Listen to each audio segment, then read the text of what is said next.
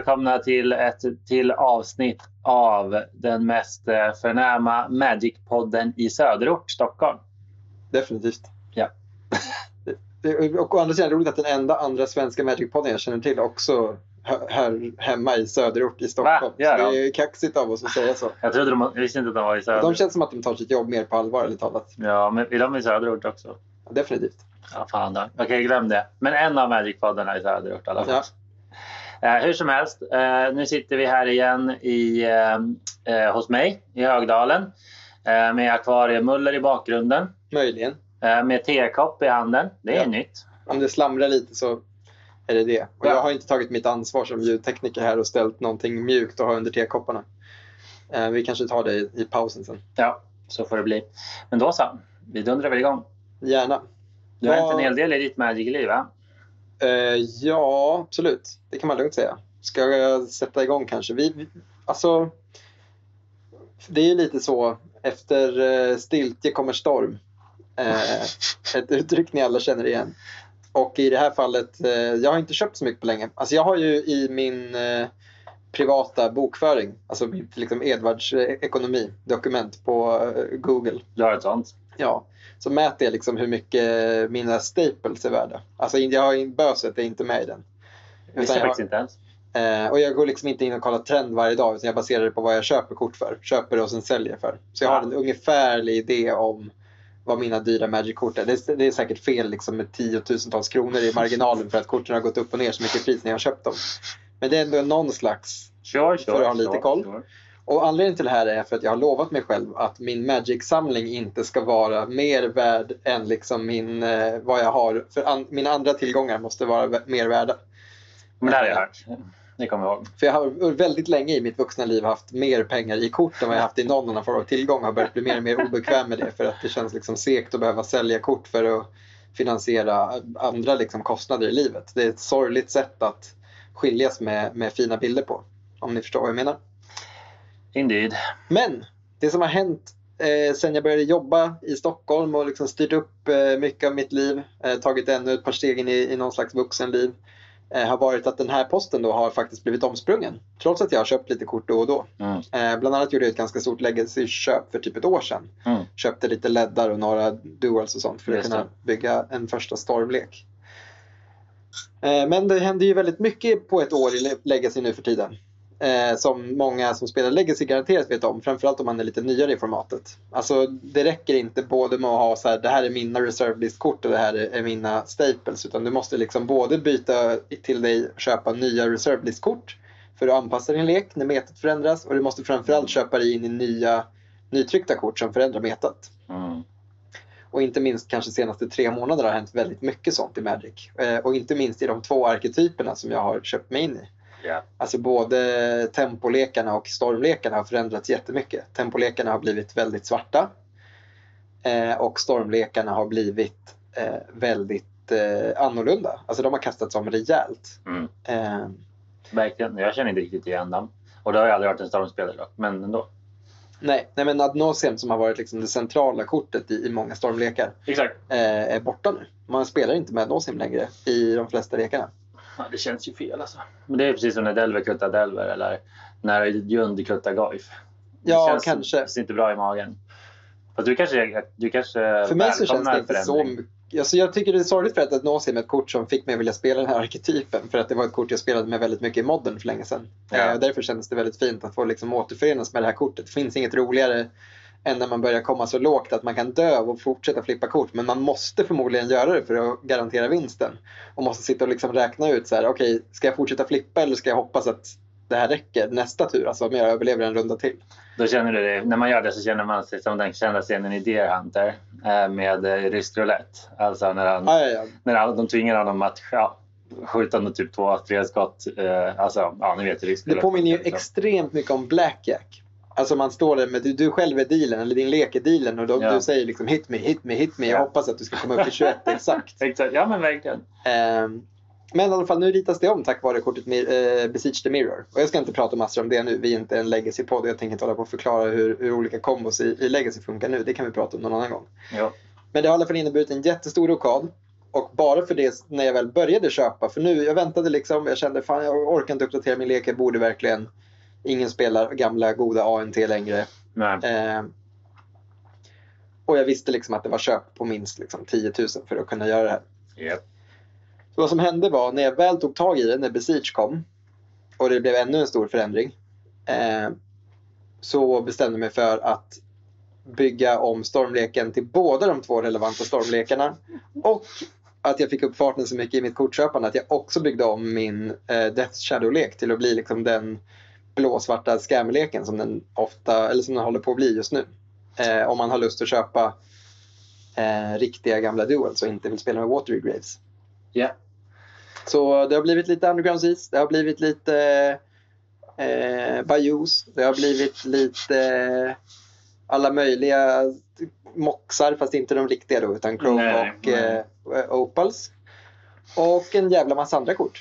Eh, så nu är den där saftiga Magic-posten lite, lite för hög snart igen och det känns ändå fint att, eh, att vara där. Jag har inte så mycket emot det som man kanske kan tro längre. Utan det känns ju bra. Nu får de andra budgetarna komma ifatt. Liksom. Fortsätta försöka spara. Du hade en rolig anekdot att din sambo typ rådfrågade dig om det var onödigt att köpa något för typ... Eh, Ja, hon skulle köpa något till barnet dessutom. Så det var inte ens till henne själv. Utan hon var så här, ja men jag funderar på att köpa en ny, eh, en ny sele på Tradera för eh, 300 kronor. Tycker du det känns som en rimlig utgift?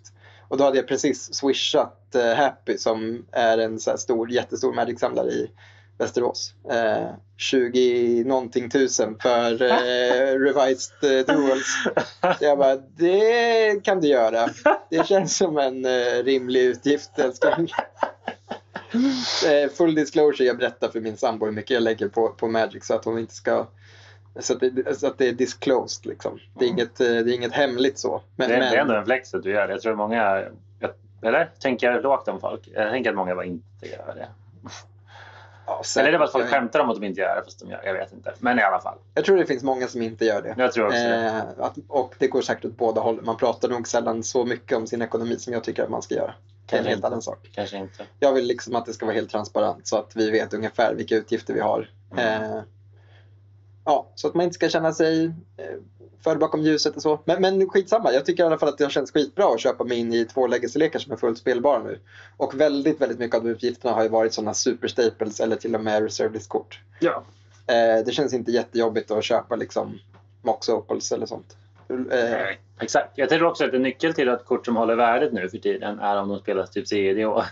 ja, faktiskt. Att det Eh. finns liksom ett hem för dem utanför det formatet du köper dem till. Exakt. Eh, och för Magic, det är ett jättestort samtalsämne. Eh, så- Men ändå, många pratar ju om vad som hänt med Magic-finansen på sista tiden.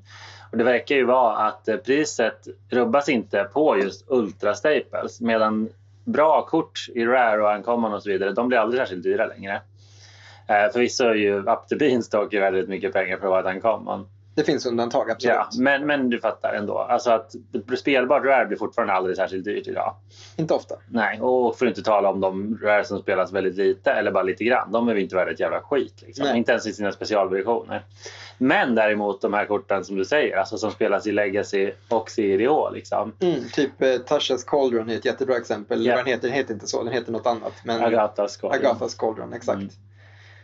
Den är ju ett jättebra exempel på ett kort som funkar i alla format där den är legal. Och då Ja, helt plötsligt blir det värt blir det. 600 spänn. Exakt, då blir det värt mer än många, alltså vad kort all någonsin blev förut. Liksom. Mm. Fast så många spelar Magic nu. Liksom. Och det finns så mycket foam och hype kring saker.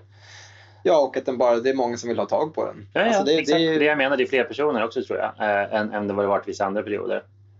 Men en- annan sista reflektion kopplat till min, för det, känns skitbra. Det känns jättebra att ha två spelbara, eller två liksom topp meta legacy-lekar igen. Och att de kan vara ihopbyggda samtidigt, det kunde de inte förut. Ah. Det är en ny grej. Så Mhm. att eh, om man liksom tweakar lite med, du, eller med chock, vet du, det, fetcharna lite så Ja. går faktiskt båda lekarna att ha konstruerade samtidigt. Och det känns ju skitkul. Kan man Eh, spela mot varandra? Ja, och det är en helt okej rolig matchup också. Ja, det får vi göra då. Eh, men, men framförallt kan man bjuda in eh, gamla Magic-kompisar till att komma och spela lokala Legacy-event och försöka få dem att bli taggade på Magic igen. Så Det är jag sant. Jag har emot. inte tänkt på. Eh, Men en annan sak som jag observerar är också hur jävla eh, pissig vår valuta är och hur mycket det påverkar den när man ska köpa mycket kort i sitt, eh, till sin hobby som bara värderas i utländska valutor. Eh, Så det har också varit en sån eh, lite sjuk upplevelse med det här 12 kronor för en euro-grejen. Och alla bara vill värdera baserat på det, vilket ju är jätterimligt. Så har vi gjort det jättelänge nu. Ja. Ehm, men jävlar vad nice det är när man säljer kort. Ja. Det går åt båda hållen. Ja. Men, men just Ja. den grejen känns ju helt skruvad. Övrigt, förutom eh, att jag har uppdaterat min legacy-samling så har jag också byggt om alla mina EDH-lekar, i alla fall alla som jag liksom lägger mycket tid på eller spelar med ofta. Eh, köpt eh, en riktigt sjuk eh, manabas till min eh, Morophon eh, Tribe-lek.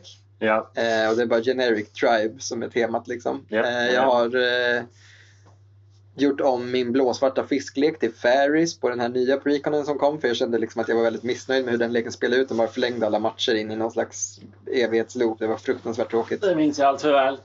Eh, jag har byggt om den grönblå leken till liksom main fiskleken istället. Så att den har fått allt good stuff från den andra. Eh, Ja.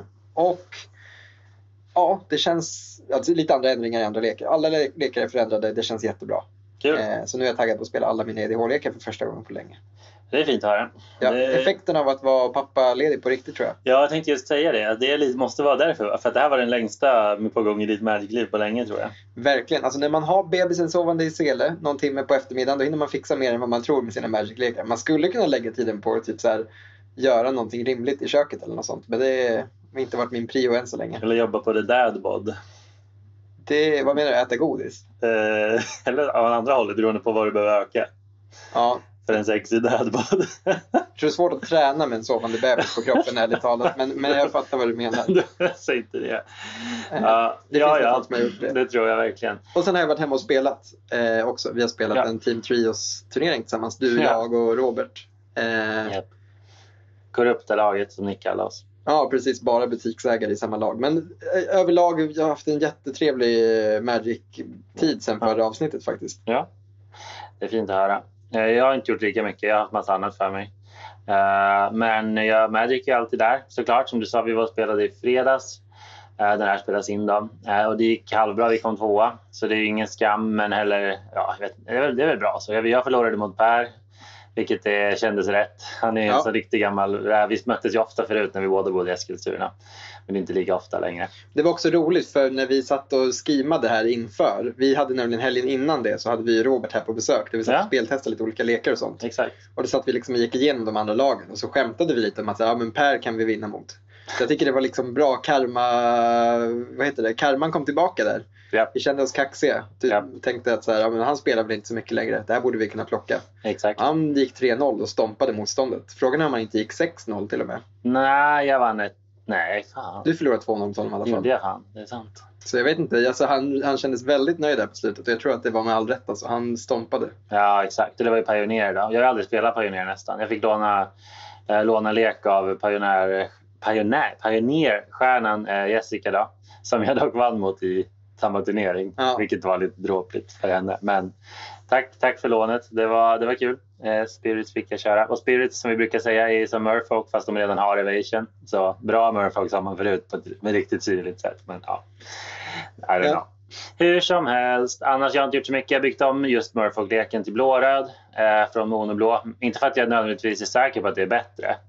Typ någon vecka efter att jag liksom pulled the trigger så såg jag någon, någon som bara så här 5-0 med monoblå Murfolk i modden. It's back. Jag bara fan.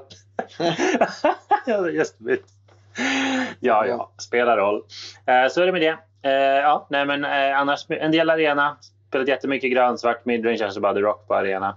Kändes, ett tag så kändes det som att jag vann så jäkla mycket. Men nu börjar man börjar förlora mot kontrolllekar. Så I don't know. Vet att anpassa sig. Jag antar det. Men men, det är kul ändå. Jag coachar mina nya Magic-spelarvänner här i Stockholm också. Vilket är kul. Eh, som jag nämnt förut, några som börjat spela och De fastnat håller hårt. på att göra sin resa in i Commander här. Ja, exakt, exakt. Så det är roligt. Så jag får något PM per dag i alla fall med någon fråga. Ja, härligt. Hur som helst. Eh, gött. Vi, eh, vi kör väl på tänker jag. Eh, och vi tänkte ju då en annan följetong som vi har i podden, men som, som är ännu mer sporadisk än den när vi pratat om alla Magics färger, eh, är en att vi pratar om olika korttyper. Det gör vi. Exakt. Vi vet att vi har pratat om artefakter förut, va? Det har vi. Ja, Jag tror att det är det. Jaha, okej. Ja, ja. Men nu, det, det, det, har- det är i alla fall, och det har alltid varit, en sporadisk följetong. Nu, nu blir det en sporadisk följetong. Ja, I min hjärna har det varit det. Och nu är det det på riktigt också. Ja. Eftersom att det här avsnittet eh, kommer nu. Så det är väl dags att hoppa in i avsnittets eh, tema då. Vi kommer att prata om Planeswalkers. Exakt. Ja, precis. Eh, Planeswalkers, exakt. Och det är ju, det är ju du och jag. Ja, men från första början var det i alla fall så. Planeswalkern var du och Och jag. det är ju du som lyssnar. Ja, om du spelar Magic. Vilket du förhoppningsvis gör om du har kommit så här långt i våran podd. Annars är det jättekonstigt. Ja, ja.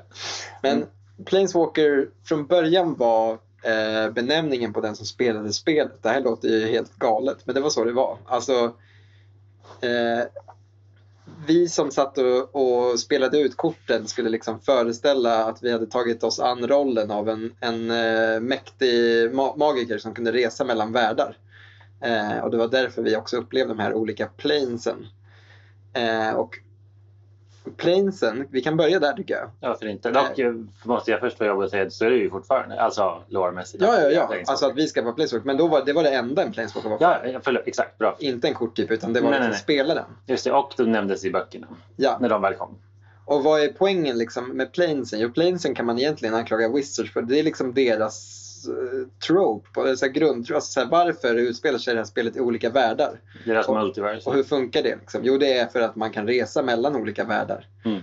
Eh, och väldigt länge så var det så att de här världarna inte hade något med varandra att göra. Alltså Nej. till exempel eh, Dominaria hade ingenting att göra med eh, vilka, vilka är de första andra världarna som kom? Jag vet inte, typ eh, Alltså det var ju delvis var det ju Arabian Nights, men det var ju, Ja, men precis. det var ju weird för det var ju riktiga världen. Alltså riktiga arabiska men det är riktigt flummigt. Men Ulgrota eller vad det heter, Homelands och Ice Age utspelar sig.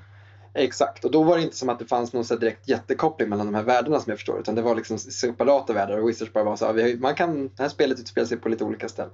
Mm. Eh, men inte först när, när liksom Phyrexia kommer in med full kraft som man verkligen börjar prata om att det är olika planes som interagerar med varandra och då börjar det också komma upp massa andra planes, typ Serra och Exakt. Eh, Exakt. Serras Realm, ja precis. Men det är ju, och, förstås så fick vi ju lära känna en Planeswalker-karaktär, alltså Ursa då, eh, och, och, några andra som sen visade sig bli Planeswalkers senare. Eller vad det var. Men, eh, men, men vi började, de, som, de som brydde sig om storyn då där på 90-talet, eh, då var ju Planeswalkers självklart en stor del av det. Men de är inte alls vad de är idag. Alltså nu är de ju så tydligt, för mig i alla fall, Magic svar på Avengers. Liksom. Alltså, ja, det är- det är protagonisterna. Ja, ett, ett, superhero, ett superhjälteteam eh, faktiskt. Och det kan man ju också, Superhjälte och superskurkar är det. självklart, självklart absolut. Eh, men, men precis, det, det är det det är liksom. Eh, och eh, det är ju det är ju väldigt convenient eh, i storytelling att ha den typen av karaktärer som är liksom väldigt mäktiga men inte odödliga liksom. Eh, men, men, men även om det känns så ibland. men i alla fall, eh, det, det, det är så det har blivit. De har blivit huvudpersoner, de har också blivit poster childsen. Alltså man tänker så här på boosterpaketen, liksom på promo arts och sådär. Så är Eh, det ofta Planeswalkers ja. väldigt ofta så är det ju Planeswalker. Ännu mer tror jag för typ fem år sedan. Det känns som att de var ännu pushade ännu hårdare med det. Typ att corset, ett corset kunde handla bara om Chandra och typ ett bara om Jace och sådär. Eh, så, men i alla fall, eh, för det kommer vi komma tillbaka sen till tänker jag. Men hur som helst. eh, en sak till förresten lårmässigt som jag bara måste nämna. Det är det här med att Planeswalkers på 90-talet så var ju de ju, då var de ju faktiskt taget typ odödliga. Ja, gudar. Ja, exakt. Så de gjorde ju, de, de kallade ju... Det är också någonting som, det är en del av storyn att det så sker en så här gigantisk kosmisk skifte typ. Som gör att, att Planeswalkers blir nerfade liksom lårmässigt. Ja. Eh, för att eh, Bolas och Ursa och de i början, de var verkligen, de var typ odödliga. Alltså förutom något extremt skulle kunna hända. Eh, så, men, men från och med, ja, sen länge sedan lårmässigt så är de inte det. Oj. Då, är de, eh, då är de ju eh, ja, men ganska, de är inte mänskliga absolut inte. De är som superhjältar. Jag tycker fortfarande det är den bästa jämförelsen. Alltså de är som superhjältar, de är väldigt starka men de kan dö. Och de har sina egna olika nischer. Du har ju liksom, även där liknar ju superhjältar.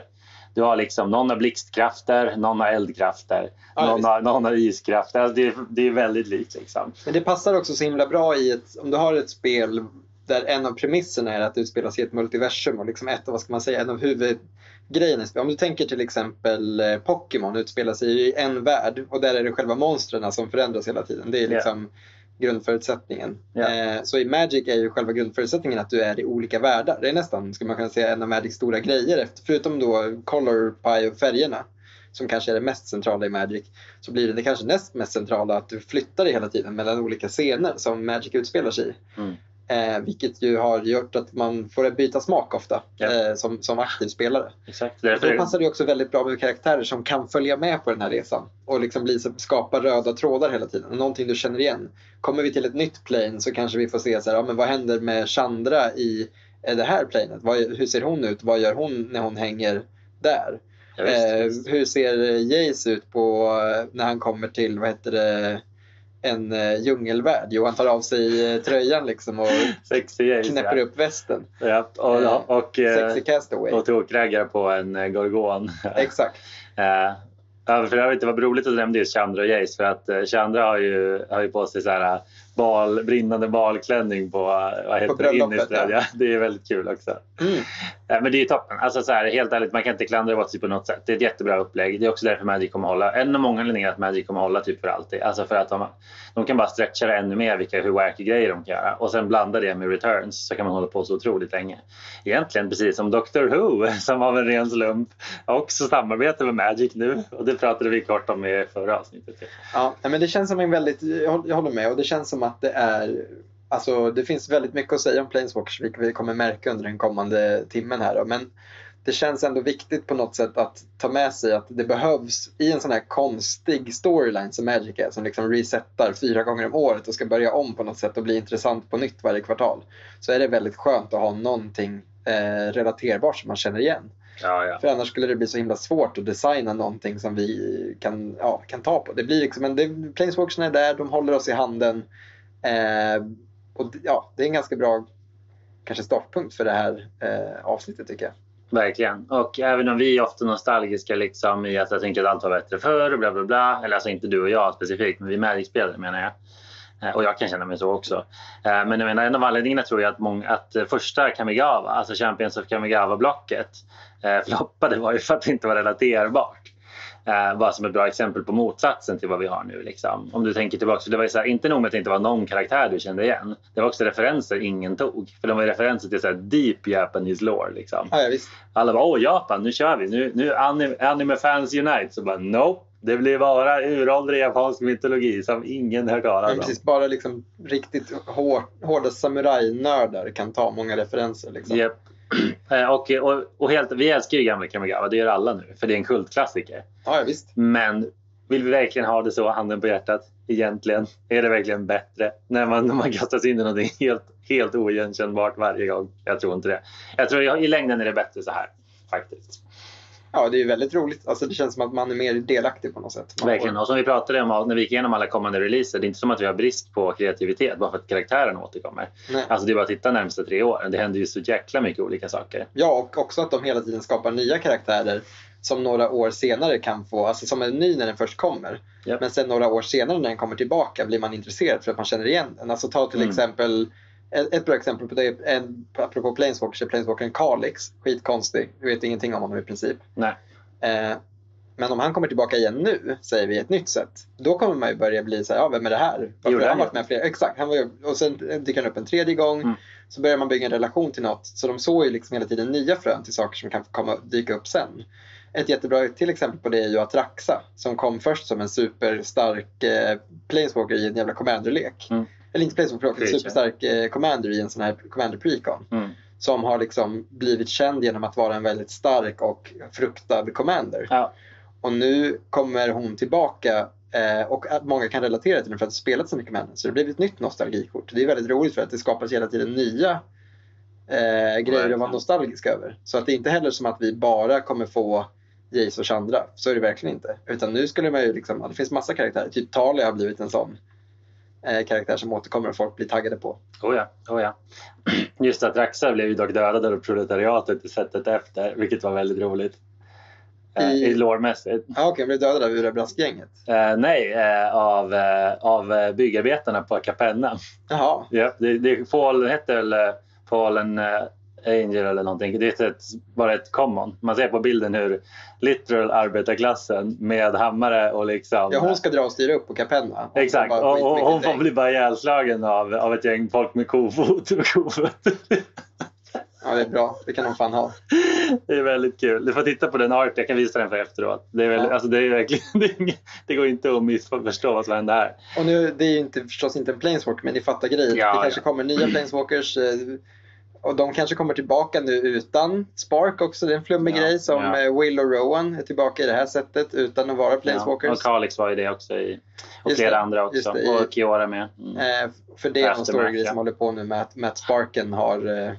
Exakt, så precis lite som de nerfade dem förut. Så nu nerfar de dem igen och nerfar ner dem till creatures. Eh, för att, förmodligen bara för att kasta om saker lite grann. För de hade så många planeswalkers i sin roster. ja, Förlåt, en till sak jag bara kan inte låta bli att säga. Att det du sa om eh, att planeswalkerna, att det kommer nya karaktärer som sen, senare kommer bli familjära karaktärer. Det är också exakt vad Marvel har hållit på med i Marvel-filmerna. Du har inte lika bra koll på dem som jag tror jag. nej. Men det är precis vad de gör ju. Alltså när Ant-Man kom och The Guardians of the Galaxy kom så var folk så här Who the fuck is this? Jag minns att jag specifikt hånade liksom idén på Ant-Man. Vem fan vill se en film om Ant-Man? Men det är väl en gammal klassisk superhjälte? Jo, jo, men han är inte Inte ett dugg känd. nära känd som Batman och Superman och Spiderman. Liksom. Nej, visst. Nej, och då tänkte man, vem fan vill se det? Men det ville folk då i alla fall. Nu kan vi, alltså, hur det går för Marvel nu är en helt annan diskussion. Men sen när Ant-Man sen kommer tillbaks i Avengers, då alla bara wow! Ant-Man baby! Ja, ja. Och exakt så är det med Magic nu också. Liksom. För, för, Obnixilis, vem är det? Och sen så bara, wow, Obnixilis är tillbaka som gangster igen. Jo, men det är exakt den grejen. Att det finns liksom någonting, någonting för oss som kanske inte nödvändigtvis...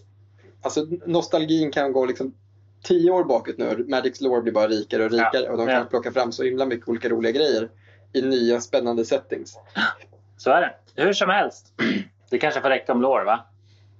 Ja, alltså det, det kan vi väl tillägga att det finns liksom inte, alltså Magic har ju inte, till skillnad från väldigt många andra fantasy-grejer, så finns liksom inte Magics Silmarillion. Där du kan Nej. liksom läsa dig till hur allting funkar och varför det är som det är. Och så här, från början skapade den här grejen den här grejen. Alltså det är klart det finns en förklaring, liksom en, en, en ytlig förklaring till allting, men det är mycket det är inte centralt för Magic hur liksom allting började. Eller Nej. saker. Så här, det, ska, Magics skapelseberättelse är inte en central del av spelet på något sätt. Nej, det är få som bryr sig också. Ja, precis. Alltså, inte att den inte finns, men det är liksom inte... Alltså varför det finns en spark, vem som får den, hur det går till. Exakt. Det man vet är typ att så här, ja, men du har alltid haft din spark hela livet. Sen kommer det hända typ en defining grej. Du kommer Ja. liksom utsättas för extrem stress av något slag. Mm. Och då kommer den här vakna till liv och rädda dig genom att flytta dig till ett annat plane. Just det, det är bra att du sa det. Det, kanske, det, kanske vi, inte- det borde vi nämnt ännu tidigare. Men precis, det är ju så lårmässigt att vissa föds med en spark, vilket är då möjligheten att planewalka. Alltså att åka från en plane till en annan. Plane shifta kallas det. Okej. Mm. Plane chasa. ja, plane shifta. Ja, Mm. något, eh, precis. Och, Det är eh, verbet. Ja, förstås. Eh, och som du sa, det krävs någon form av väldigt omskakande händelse i livet för att man ska liksom, den ska triggas inom en. Men då, som du säger, de förklarar nog aldrig varför vissa får den och andra inte, eller hur det funkar. Ja. Det är inte liksom... Nej. Så här, så här. Planeswalking och Sparken, eller plane, alltså hela grejen med Planeswalkers och Spark har ju liksom uppfunnits som ett sätt att förklara och passa in saker i Magics världsbygge snarare än att det är det som är liksom har format Magics värld. Utan, utan hela idén har formats efter hur Magic funkar. Ja, Eh, eller hur Magic-världen funkar. Alltså så att man har försökt pusslat ihop sina plot holes mm. eh, med Planeswalkers snarare än att Planeswalkers har fått ge upphov till Magic-världen skulle jag säga. Jo. Och därför är det ju inte liksom den här klockrena.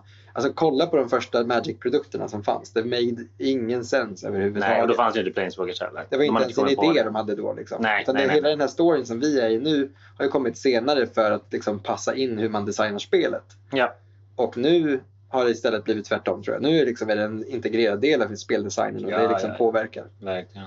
Eh, Ja, men bra, bra tillägg där. Men, men precis, men rent spelmässigt då? Jag tänker att vi måste prata om det. Ja, det är väl egentligen därför vi... Det, det, nu kommer vi prata mer om korttypen. Eh, Exakt. Jag tänkte säga det att vi, vi, vi blir, jag tänker att man vill börja lite nostalgiskt här också. Eller nostalgiskt, och nostalgiskt men lite historiskt. För vad jag menar då är att Planeswalkers eh, var ju, när de- de kom, de första Planeswalker-korten kom 2007. Ja. Ja, eh, Ja. i eh, USA är det väldigt kaxigt där. I jag- Lorvin. Exakt, i Jag tror att det Lorvin. kanske till och med är något år senare. Ja, möjligt. Precis, däromkring i alla fall. I Lorvin då, eh, som var ett, eh, ja, men ett block som många håller kärt. Som dock inte alls handlar om de här planeswalkerna överhuvudtaget. För vad som egentligen var tanken var att introducera det. För att det här var, när de kom var det det första nya korttypen eh, typ någonsin. Alltså sen början egentligen. Alltså Ja, det roliga är att de kom samtidigt som en annan ny korttyp. eh, Tribal. Ja, Ja, det är sant. För båda de, eh, för i Future Sight som kom 2007, det vet jag, det var tredjedelen i Timesboro-blocket, så det är en av de mest knasiga sätten någonsin.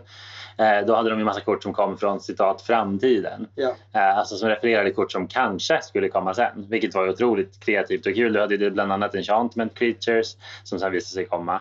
Och du hade liksom eh, Eh, kort med eh, keywords som sen har dykt upp senare. Eh, eh, allt vad det kan vara. Skulk till exempel minns jag fanns där som dök upp senare. Men också kort som inte dykt upp. Typ Absorb är en keyword som inte dykt upp sen dess. Mm. Eh, Aura Swap. Alltså det är väldigt Det finns knasigt. en Land Cycle som inte har blivit tryckt än. Den här blåsvarta, Ja. vad heter den? Just det, River of Tears ja. Och de, det finns inga fler av den nej. Nej. Nimbus Maze kom heller aldrig en. Ja, du Nej. ser. Väldigt kul och knas. Men och för att inte tala om Riggers som sen vi kom i ett silverboarded set. Alltså Assembles a Contraption. Whatever. I Future Sight så nämner de Planeswalkers på Tarmogoyf som sen visade sig bli en av de kändaste creaturena någonsin. Ja. Men man först tror jag Tarmogoyf kom, det alla pratade om då var ju inte hur bra creaturen var. eh, Utan vad menar de inom den här parentesen, rules-texten där det står Precis, för Tarmogoyf bryr sig om olika korttyper i graven och i rules-texten så refererar de till Tribal och Planeswalker. Japp. Som är två korttyper som då inte fanns. Exakt, exakt. Eh, så precis. Om inte Tribal kom i Future jag minns faktiskt inte. Kanske. För att Planeswalker skulle komma i Future Shock, det var tanken. Och sen så sköt de upp det av någon anledning till Orvin. Ja. Eh, men i alla fall, eh, i Lorvin kom de till slut. Eh, och Planeswalkers hade ju nämnts, det ska ju sägas. Alltså, det, du, vi nämnde ju att det inte var en grej i Alfa och så, och det stämmer ju. Men det hade ju varit en grej under hela halva 90-talet och 2000-talet, i början av 2000-talet. Ja. Man hade ju nämnt dem. På, alltså, Men så nämndes ju. fort hela Dominaria-loren Ja. började flashas ut Exakt, ordentligt så exakt. blev ju hela grejen med Planeswalkers en Exakt, det var det. Precis, central precis. plot Plane- engine. Exakt, och Planeswalkers fanns ju alltså på kort, bara att de var creatures. Alltså de tidigare. Alltså, och, och så, liksom. Eh, men nu i alla fall så var det dags och då i Lorvin då, eh, om keltisk mytologi, så droppade de de fem första Planeswalkerna. Ja. Och det var en, jag minns att det var en sån happening. Alltså, för det var ju som jag sa, det första nya korttypen. Alltså tribal räknas knappt liksom. Ja, Eh, för eh, 15 år sedan alltså nu. Ja, det, exakt. Jag vet. Det är helt sjukt. Det är verkligen helt sjukt. Nu har vi haft Magic mer Planeswalkers lika länge som utan. Men inte läng- mer med. Ja, jag orkar inte ens Ja. tänka på det. Hur som helst, de kom i alla fall. Och det var ju då, de kallas Lorvin 5 nu. Eh, och Chandra Nalar till exempel, det är ingen funderar på att lägga in henne i lek längre. Eh, Alltså det är ju inte som det brukar vara med gamla kort, att de också är väldigt bra. Alltså typ eh, de första equipmentsen som kom, några av dem är ju fortfarande jättebra. Japp, Och de första länderna som kom, de första non-basics som kom, många av dem är fortfarande bland de bästa. japp. Och så vidare. Ja, och så när de började med Energy så blev det också för bra. Ja. Eh, men, men de här, eh, ja, Mm. inga bangers direkt. Nej, men å andra sidan, Liliana West helt okej och Garruk eh, Wildspeak fortfarande bra ändå, tycker jag. Han är stabil i Commander ja. Ja, han är stabil. Men precis, så det var Garruk, det var eh, Chandra, det var Liliana, det var Jace och Ayani va? Ja, Ja, just det. snäll-Jace som man brukar kalla honom. ja, plus två för alla dragkort.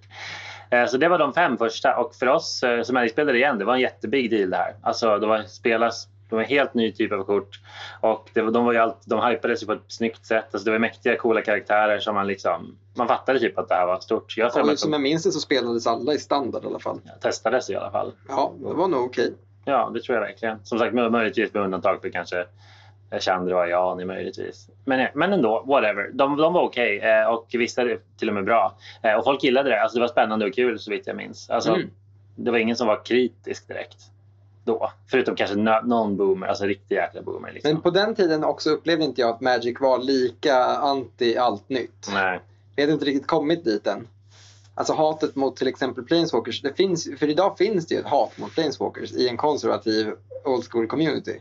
Där Planeswalkers skulle jag säga är en av de sakerna som de oftast lyfter fram som problemet med nya Magic. Mm, du tänker premodern Ja, tjommar? men literally alla old school format så Ja. pratar man liksom så, ja, att Planeswalkers är en av grejerna man inte gillar. Mm. Så, men- på, jag håller med, på den här tiden så det upplevde jag inte någonting alls. Alltså tvärtom så var de ju superhype och folk bara ville ha dem. Mm, det var väldigt nice. Och ganska snart in på det här skulle det komma några Planeswalkers som har sett betydligt mycket spel. Alltså efter den här första cykeln så började det komma några som, Exakt. som än idag har eh, bäring på all- alltså flera olika format, men framförallt kub kanske. Ja, precis så. Eh, Men, men exakt, så Lorvin Planeswalkerna kom och gick eh, och kort därefter så fick vi ju eh, några Planeswalkers till, nämligen i... eh, De jag minns starkast är de från Shards of Valara. Ja, det är nog de som kommer härnäst. Precis. Och då där var det ju, minns jag att det var två som det snackades väldigt mycket om. Eh, Ja, det är Elspeth förstås. Japp. Eh, Och ironiskt nog så minns jag väl att folk var väldigt hypade inför Sarkan Voll. Den rödgröna Planeswalkern. Kommer du ihåg vad han gör? Nej, faktiskt inte. Lite roligt. Någonting med drakar kommer jag ihåg för att det var eh, han, det är hans grej och det Ja. var, Jun- han var Jund-gubbe.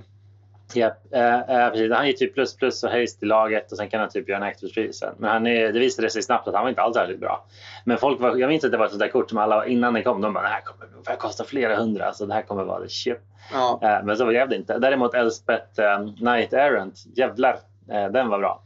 faktiskt min första liksom, riktiga draft, eller vad man ska säga, en av de första, så kommer jag ihåg att jag öppnade en foilad Elspeth Knight Errant. Eh, och att det var en av sakerna som fick mig bli riktigt hooked på, för jag hade ju mest spelat köksbord liksom, med min brorsa innan det här. Och sen hade han taggat mig på att vara med. Jag kommer inte ihåg om det var det absolut första, men en av de första eh, som jag kommer ihåg. Så öppnade jag en sån. Eh, jag vet inte hur det gick med själva draften, säkert helt okej eftersom jag hade en Elspeth. Men jag vet att jag eh, fick sälja den direkt för 500 spänn till en eh, person som var där. Och det var en stor grej för en, eh, en 16-17-åring att bara kunna casha in 500 spänn och gå och köpa sprit och pizza. Ja jävlar, Ja, 500 är riktigt mycket för ett styckkort då. Ja, ja verkligen. Standard liksom. Ja, det var ju mer, mer än vad en duel kostade. Ja, på den tiden. Jävla sjuk tanke. I alla fall, Elspeth höll, höll måttet och Planeswalker-hypen var ju alive and well helt enkelt. Hon Ja. spelades väl i standard ganska mycket, eller? Och på många sätt kan man väl säga att hon satte också liksom den här gränsen för första liksom regeln för när en planeswalker ofta är tillräckligt bra eller inte. Och det är om den kan skydda sig själv. Det var då man började förstå lite den här grejen med att planeswalkers som kommer in och skapar inte bara ett kortövertag utan också liksom kan alltså själv på bordet bara hålla fortet är väldigt bra och framförallt kanske i kontrolllekar. Mm. Hon ser inte kanske ut som ett kontrollkort på pappret men hon ex- excellar ju en sån arketyp. För att Precis. du sitter och bara håller ner allting och sen kan du droppa en sån som kan liksom ta över matchen. Exakt, lägg in små ettor som kämpar. Precis. Eh, ja, nej men exakt så är det ju. Eh, och, eh, men, men, men verkligen, vi kan prata lite mer tror jag snart om just så här Planeswalkers och det finns utrymme rent designmässigt. Eh, för det är väl om det finns någon kritik mot dem så är det ju att den är ju inte oändlig. Eh, det är ju så som Instance och Sorceries kanske är faktiskt. Mm. Nästan oändligt i alla fall. Men innan dess måste vi nämna att eh, när Planeswalkers verkligen eh, blev the talk of the town var ju kort senare när eh, När vi kom till Zendikar för första gången. Exakt. Eh, när, och närmare bestämt Worldwake. Eh, för då fick vi ju lära känna Just the Mind Sculpted better than all. Ja, nej men det satte ju en helt ny standard för, för vad en planeswalker kan vara. Och han höll också den standarden väldigt länge, får man väl ändå säga. Det tog lång tid innan Wizards vågade eller lyckades printa en som var markant bättre. Alltså det är ju i Innistrad fick vi en till Som är väldigt bra. Men vi, planeswalker som är Jace, väldigt bra men som inte kan påstås ha varit bättre någonsin. nej, Jace var, hade ju titeln den bästa Planeswalkern i typ 10 år säkert. Eh, för han var så pushad. Eh, och han var också den första Planeswalkern och en av få än idag som har fyra abilities. Ja. Fortfarande ovanligt. Alltså att han kan plus 0, plus 2 och minus 1 och sen ulti. Och han, han, gjorde, han gjorde kortövertag, han kunde plocka bort gubbar, alltså skydda sig själv. Och han hade en ulti som bara vann matchen då, till skillnad från Elspeth som typ inte gör något. Ja, Så han, det visade sig att eh, det var ju så bra så att han blev bannad i standard. ja och senare i modern. Och det är ju, när han bannades i standard om jag inte minns fel så var det också en jättegrej. Just för då var bans, en, vi hade inte kommit in i liksom ban-eran riktigt än. Utan han kan man väl nästan säga började en slags ban-era. En första ban-era som Mm. sen tog slut, pausade ett tag och idag är vi ju, idag känns bans som en helt, det är som eh, flingor till frukost liksom. Ja, Ja, I standard pratar vi om nu alltså. För- eller generellt i Magic. Det bannas ganska mycket kort ofta. Ja, relativt. Inte så mycket som Yu-Gi-Oh tydligen. Nej, okej. Kasta lite shade på dem där borta. Nej, Eh, men- men, men, men, men, men nej, det bannas mer nu. För speciellt just med det här standardband minns jag var en sån big deal. Mm. För att även då så bannades ibland kort i typ extended eller legacy liksom, eller vad det hette. Ja, men vi hade inte haft supermycket bans efter typ Ursa-tiden liksom. Nej, alltså senaste standardbanden när Jace bannades, det minns jag, det var ju eh, i Mirrodin. Mm. Och det var ju alltså åtminstone 6-7 år emellan. 6 år i alla fall. Okej, Så det ja, det är ju väldigt mycket faktiskt. mm. Eh, då, du vet när, när alla har varit facklande band Ja. och så vidare. Nej, men jag tror, alltså, för efter Jace så fortsatte ju faktiskt någon slags trend med att trycka pushade planeswalkers och det kommer att bli någonting man verkligen väntade sig i varje set. Vilken planeswalker kommer vara spelbar? Mm. Eh, för det var väl nästan mer en regel än ett undantag att det kom en spelbar planeswalker i varje release, Ja. ärligt talat. Eh, och, och så har det ju varit sedan dess. Nu förväntar man sig att det kommer minst en pushad planeswalker som går att spela åtminstone i standard. Eh, och med vissa undantag. Det, det gäller faktiskt inte alltid. Men, men, eh, och, och det kommer vi komma till snart. Men jag tänkte bara säga att eh, det, det, for, för det fortsatte ju sen liksom med eh, nischade planeswalkers som var bra liksom, i vissa sammanhang. Eh, jag nämnde Liliana Innistrad som är liksom ja, men en av också de mest ikoniska Liliana of the, Alltså inte den här gamla Liliana West utan Liliana of the Veil. Tre manna Liliana. Och det som gjorde den så bra var just att den kostade tre tror jag. Ja, Vilket första av- tre man Liliana. Just det, det har du helt rätt i. Andra kom också in istället. Och hur som helst, eh, poängen är ju att eh, eh, en annan sak som är helt avgörande för att en placewalker är bra. Du nämnde det här med att den kan skydda sig själv och det är ett bra exempel. Jag nämnde det här med att ultin faktiskt vinner. Det är också viktigt men det är inte så viktigt alltid för det man kommer oftast inte dit. Nej. Eh, men den är kanske allra viktigaste, precis som alla andra kort i Magic, är ju mana value förstås. Att du får det du betalar för ja. Ja, och i Lilianas fall att de kostar bara tre. Vilket var ganska ovanligt och är fortfarande relativt ovanligt för Planeswalkers. Åtminstone fram till War of the Spark. De flesta som kostar tre eller mindre, det här är nog ett bold statement, många av de som kostar tre eller mindre är ju också spelbara. Ja, Får ju konstateras. exakt. Eller väldigt bra till och med. Ja, oftast. Och det är just det. Tre är väldigt lite för det är så mycket Planeswalkers gör. Alltså Ja. det är ju det här. Om de har tre abilities så är det ibland fler. Eh, så, eller en static plus en annan ability. Då är det bara mycket jävla grejer för tre mana liksom. Eh. Precis, för efter att det här, efter Jace och den här nya korttypen hade introducerats så kommer vi in i alla fall i någon slags business as usual för Planeswalkers. Planeswalkers kommer att vara pushade mythics som eh, visar tydligt liksom storyn i sättet. Alltså det, det är en av huvudkaraktärerna i storyn och eh, ja, vi, vi, vi lär känna ett plane ofta genom en planeswalker också. De är oftast en representant för det planet de kommer ifrån och väldigt tydlig, liksom, ger en tydlig bild av vad man kan förvänta sig av det planet. Mm, sant? För de är ofta väldigt tydliga i sina färger. Det är en rolig sak med Planeswalkers som kanske inte alltid är lika tydligt med alla andra kort. Men Planeswalkers har oftast en väldigt tydlig idé om varför de är just de färgerna. Alltså man är Mm. intresserad av color pie och color identity och liksom varför eh, vilka, vad de olika färgerna representerar så kan man ofta se det väldigt tydligt på vad en Planeswalker. De uppbär ofta sin färgs eh, olika ideal och svagheter och styrkor väldigt, väldigt väl. Mm, mm. Ehm, så, så det är också en rolig sak med Planeswalkers med väl. Men det här etableras under de här första sätten. Och sen skulle jag säga att Planeswalkers fortsätter att vara ungefär den saken. Ja. Alltså pushade mythics som ofta blir besvikelser men också ofta har en stor impact på flera format. ja. Eh, sen en till som är värd att nämna från de här tidiga som verkligen har liksom varit en slam dunk länge är ju eh, alltså Karn Liberated ja, ja. eh, från Mirrodin. Eh, Eh, Neo Forex, ja. Mm. Ja, precis. Eh, nej, han kom väl i... Jo, men det är det blocket du tänker på. Så Ja, alltså precis. Mirrodin-blocket. Ja, precis. Och han, han var ju också på tal om att manakostnaden inte alltid är stör.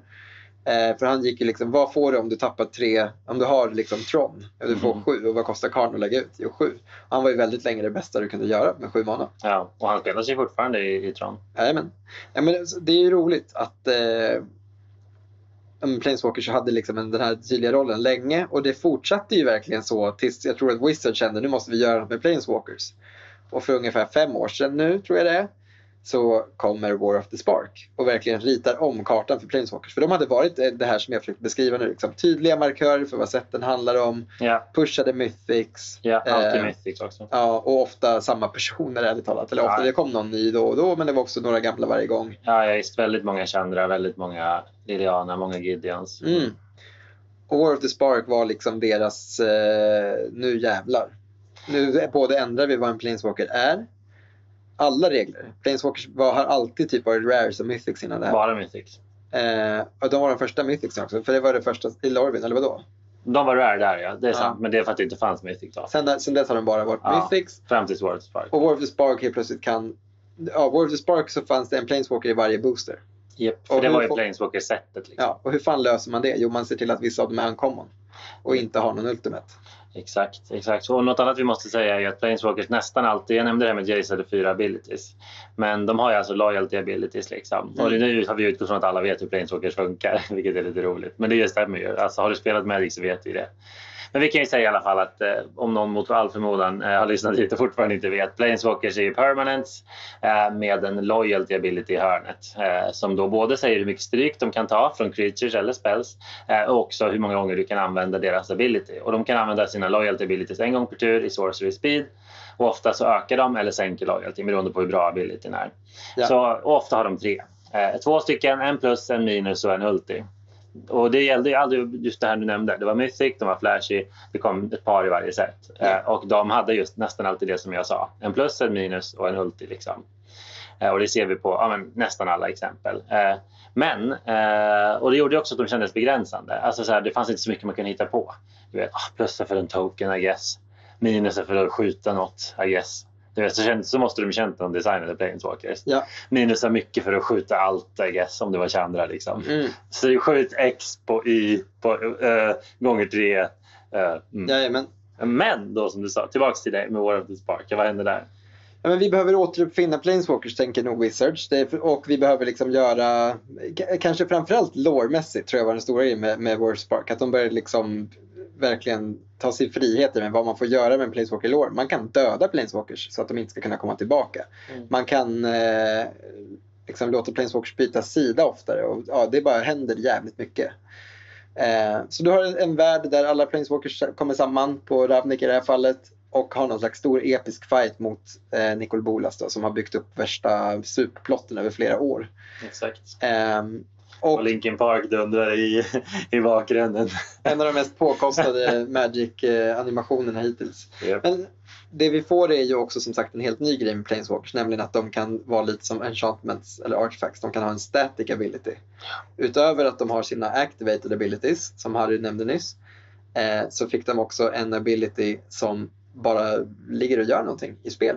Eh, de, de mest kända av de här skulle jag säga är Teferi Time Raveler och eh, Karn the Great Creator som väl har sett mest spel hittills Och Narset. och Narset förstås. Eh, och flera andra som är relevanta. Men det kan liksom vara allt ifrån eh, en gubbe som, en planeswalker som förutom sina abilities säger att alla dina creatures har haste. Det kan Mm. vara en planeswalker som säger dina motståndare får bara kasta spells när de kan kasta sorceries. Det kan vara en planeswalker som säger att motståndares artifacts inte går att aktivera. Mm.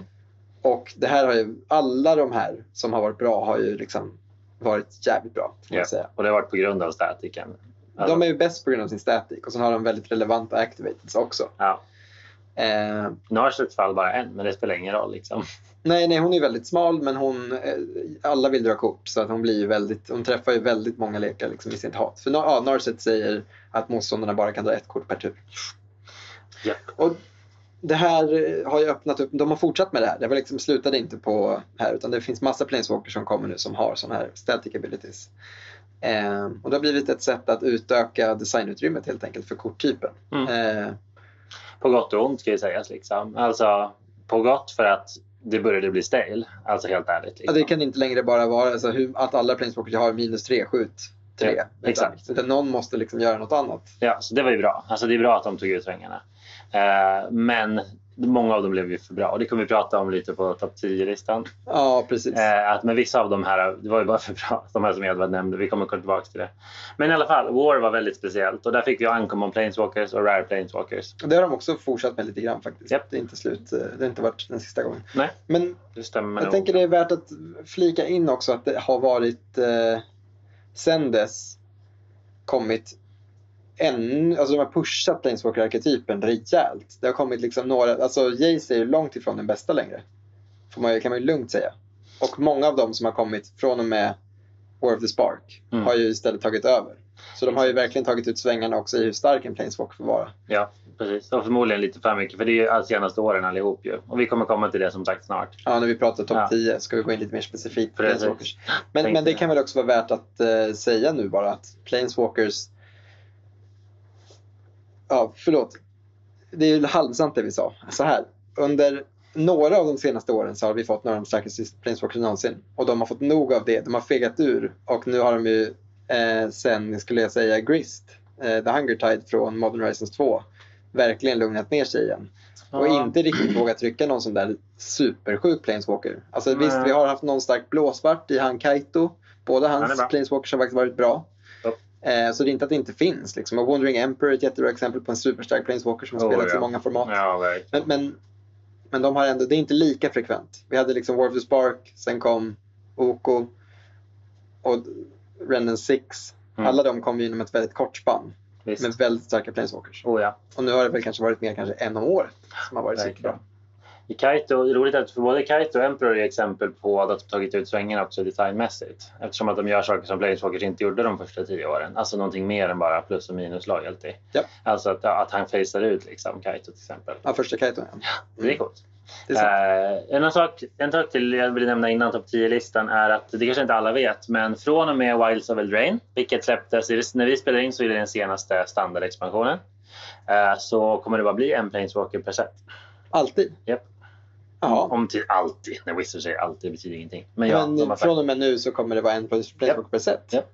Just för att ingen aning. Jo, jo, det stämmer. Eh, Just för att eh, både, eh, jo mest för att bara, förmodligen inte bara run out of ideas, för, tror jag. Men också för att de kanske vill flytta fokus från andra till andra karaktärer.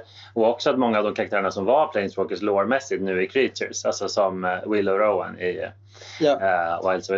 Eh, och så. Men i samband med det här stora, stora March of the Machine-kriget så förlorade skitmånga planeswalkers sin spark. Of for some reason. Eh, Ja, vi har för dålig koll på specifik lore. Men det har ju garanterat någonting att göra med de här jävla portarna och att eh, alltså, Phyrexia fuckade med hur multiversum funkar. Exakt, och vissa blev ju corrupted och sen blev de inte det. Eh, Det var ju, ah, alltså jag vet Det inte. var en jävla soppa för oss som inte läser böcker. Ja, precis. Och jag blev inte mer sugen heller. För att ett tag såg det ut som att de skulle liksom, alltså att de skulle göra Nahiri och Jace och typ en jäkla massa populära karaktärer. De bara skulle dö ja. Ja, och, eh, men det är klart att de fegar ur från det. Precis som Marvel igen. Alltså, det är ju exakt det här fake out defsen. Fan vad trött det blir. Alltså, det är så jävla fegt. Och, men varenda gång så går Det man... var lite, man började nästan fatta när det var så många som Ja, blev completed. Nej. completed. ja, completed. Ja, exakt. Det är som som man skulle säga det som Arnold hade sagt. Comple- Completed. exakt. completed. Exakt. Completionator. ja, men så var det. Uh, fan ta er Wizards att ni har också hållit med jävla fake out defsen. Sluta! Låt karaktärer dö. Ni vågar. Vi klarar det. Mm. Ja, ja. Eller låt dem bli corrupted för gott. Alltså onda för, för gott. Liksom. Helvete. Onda Ja. för gott. Onda för ont. Nej. Ja, ja. Mm, ni fattar.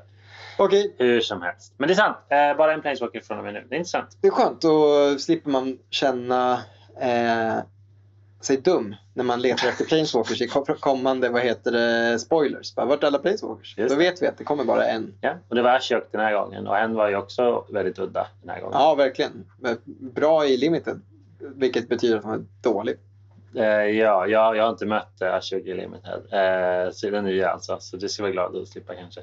Eh, men det är inte, jag tror inte den är dålig. Men den är cool i alla fall. Men den är för dålig för constructed. Förmodligen. Vi får se. Kanske. Förmodligen. Okej, men poängen eh, vi hade med det här lilla slutsnacket här var bara att det händer fortfarande nya saker med Planeswalkers och det verkar som att ja, Mm. Wizards eh, ska ge dem en mindre plats alltså. Ja, exakt. Eh, och uh, jag tror det är bra. Men då så. Eh, vi tänkte väl dra, drämma igenom en snabb liten topp 10 och eh, här var det ganska självklart vad temat skulle vara. Eller vad tycker du? Topp 10 Planeswalkers. Ja, eh, och grejen är så här. Vi satt och tänkte att så här, vi är ju inte... Alltså det kändes jättekonstigt att typ göra så här, våra favorit... Alltså vi kunde kunna gjort våra favoritplaneswalkers men då hade vi bråkat för länge. Det Ja. hade inte gått. Och vi skulle kunna tagit typ sämsta planeswalkers. Det var jag rätt sugen på.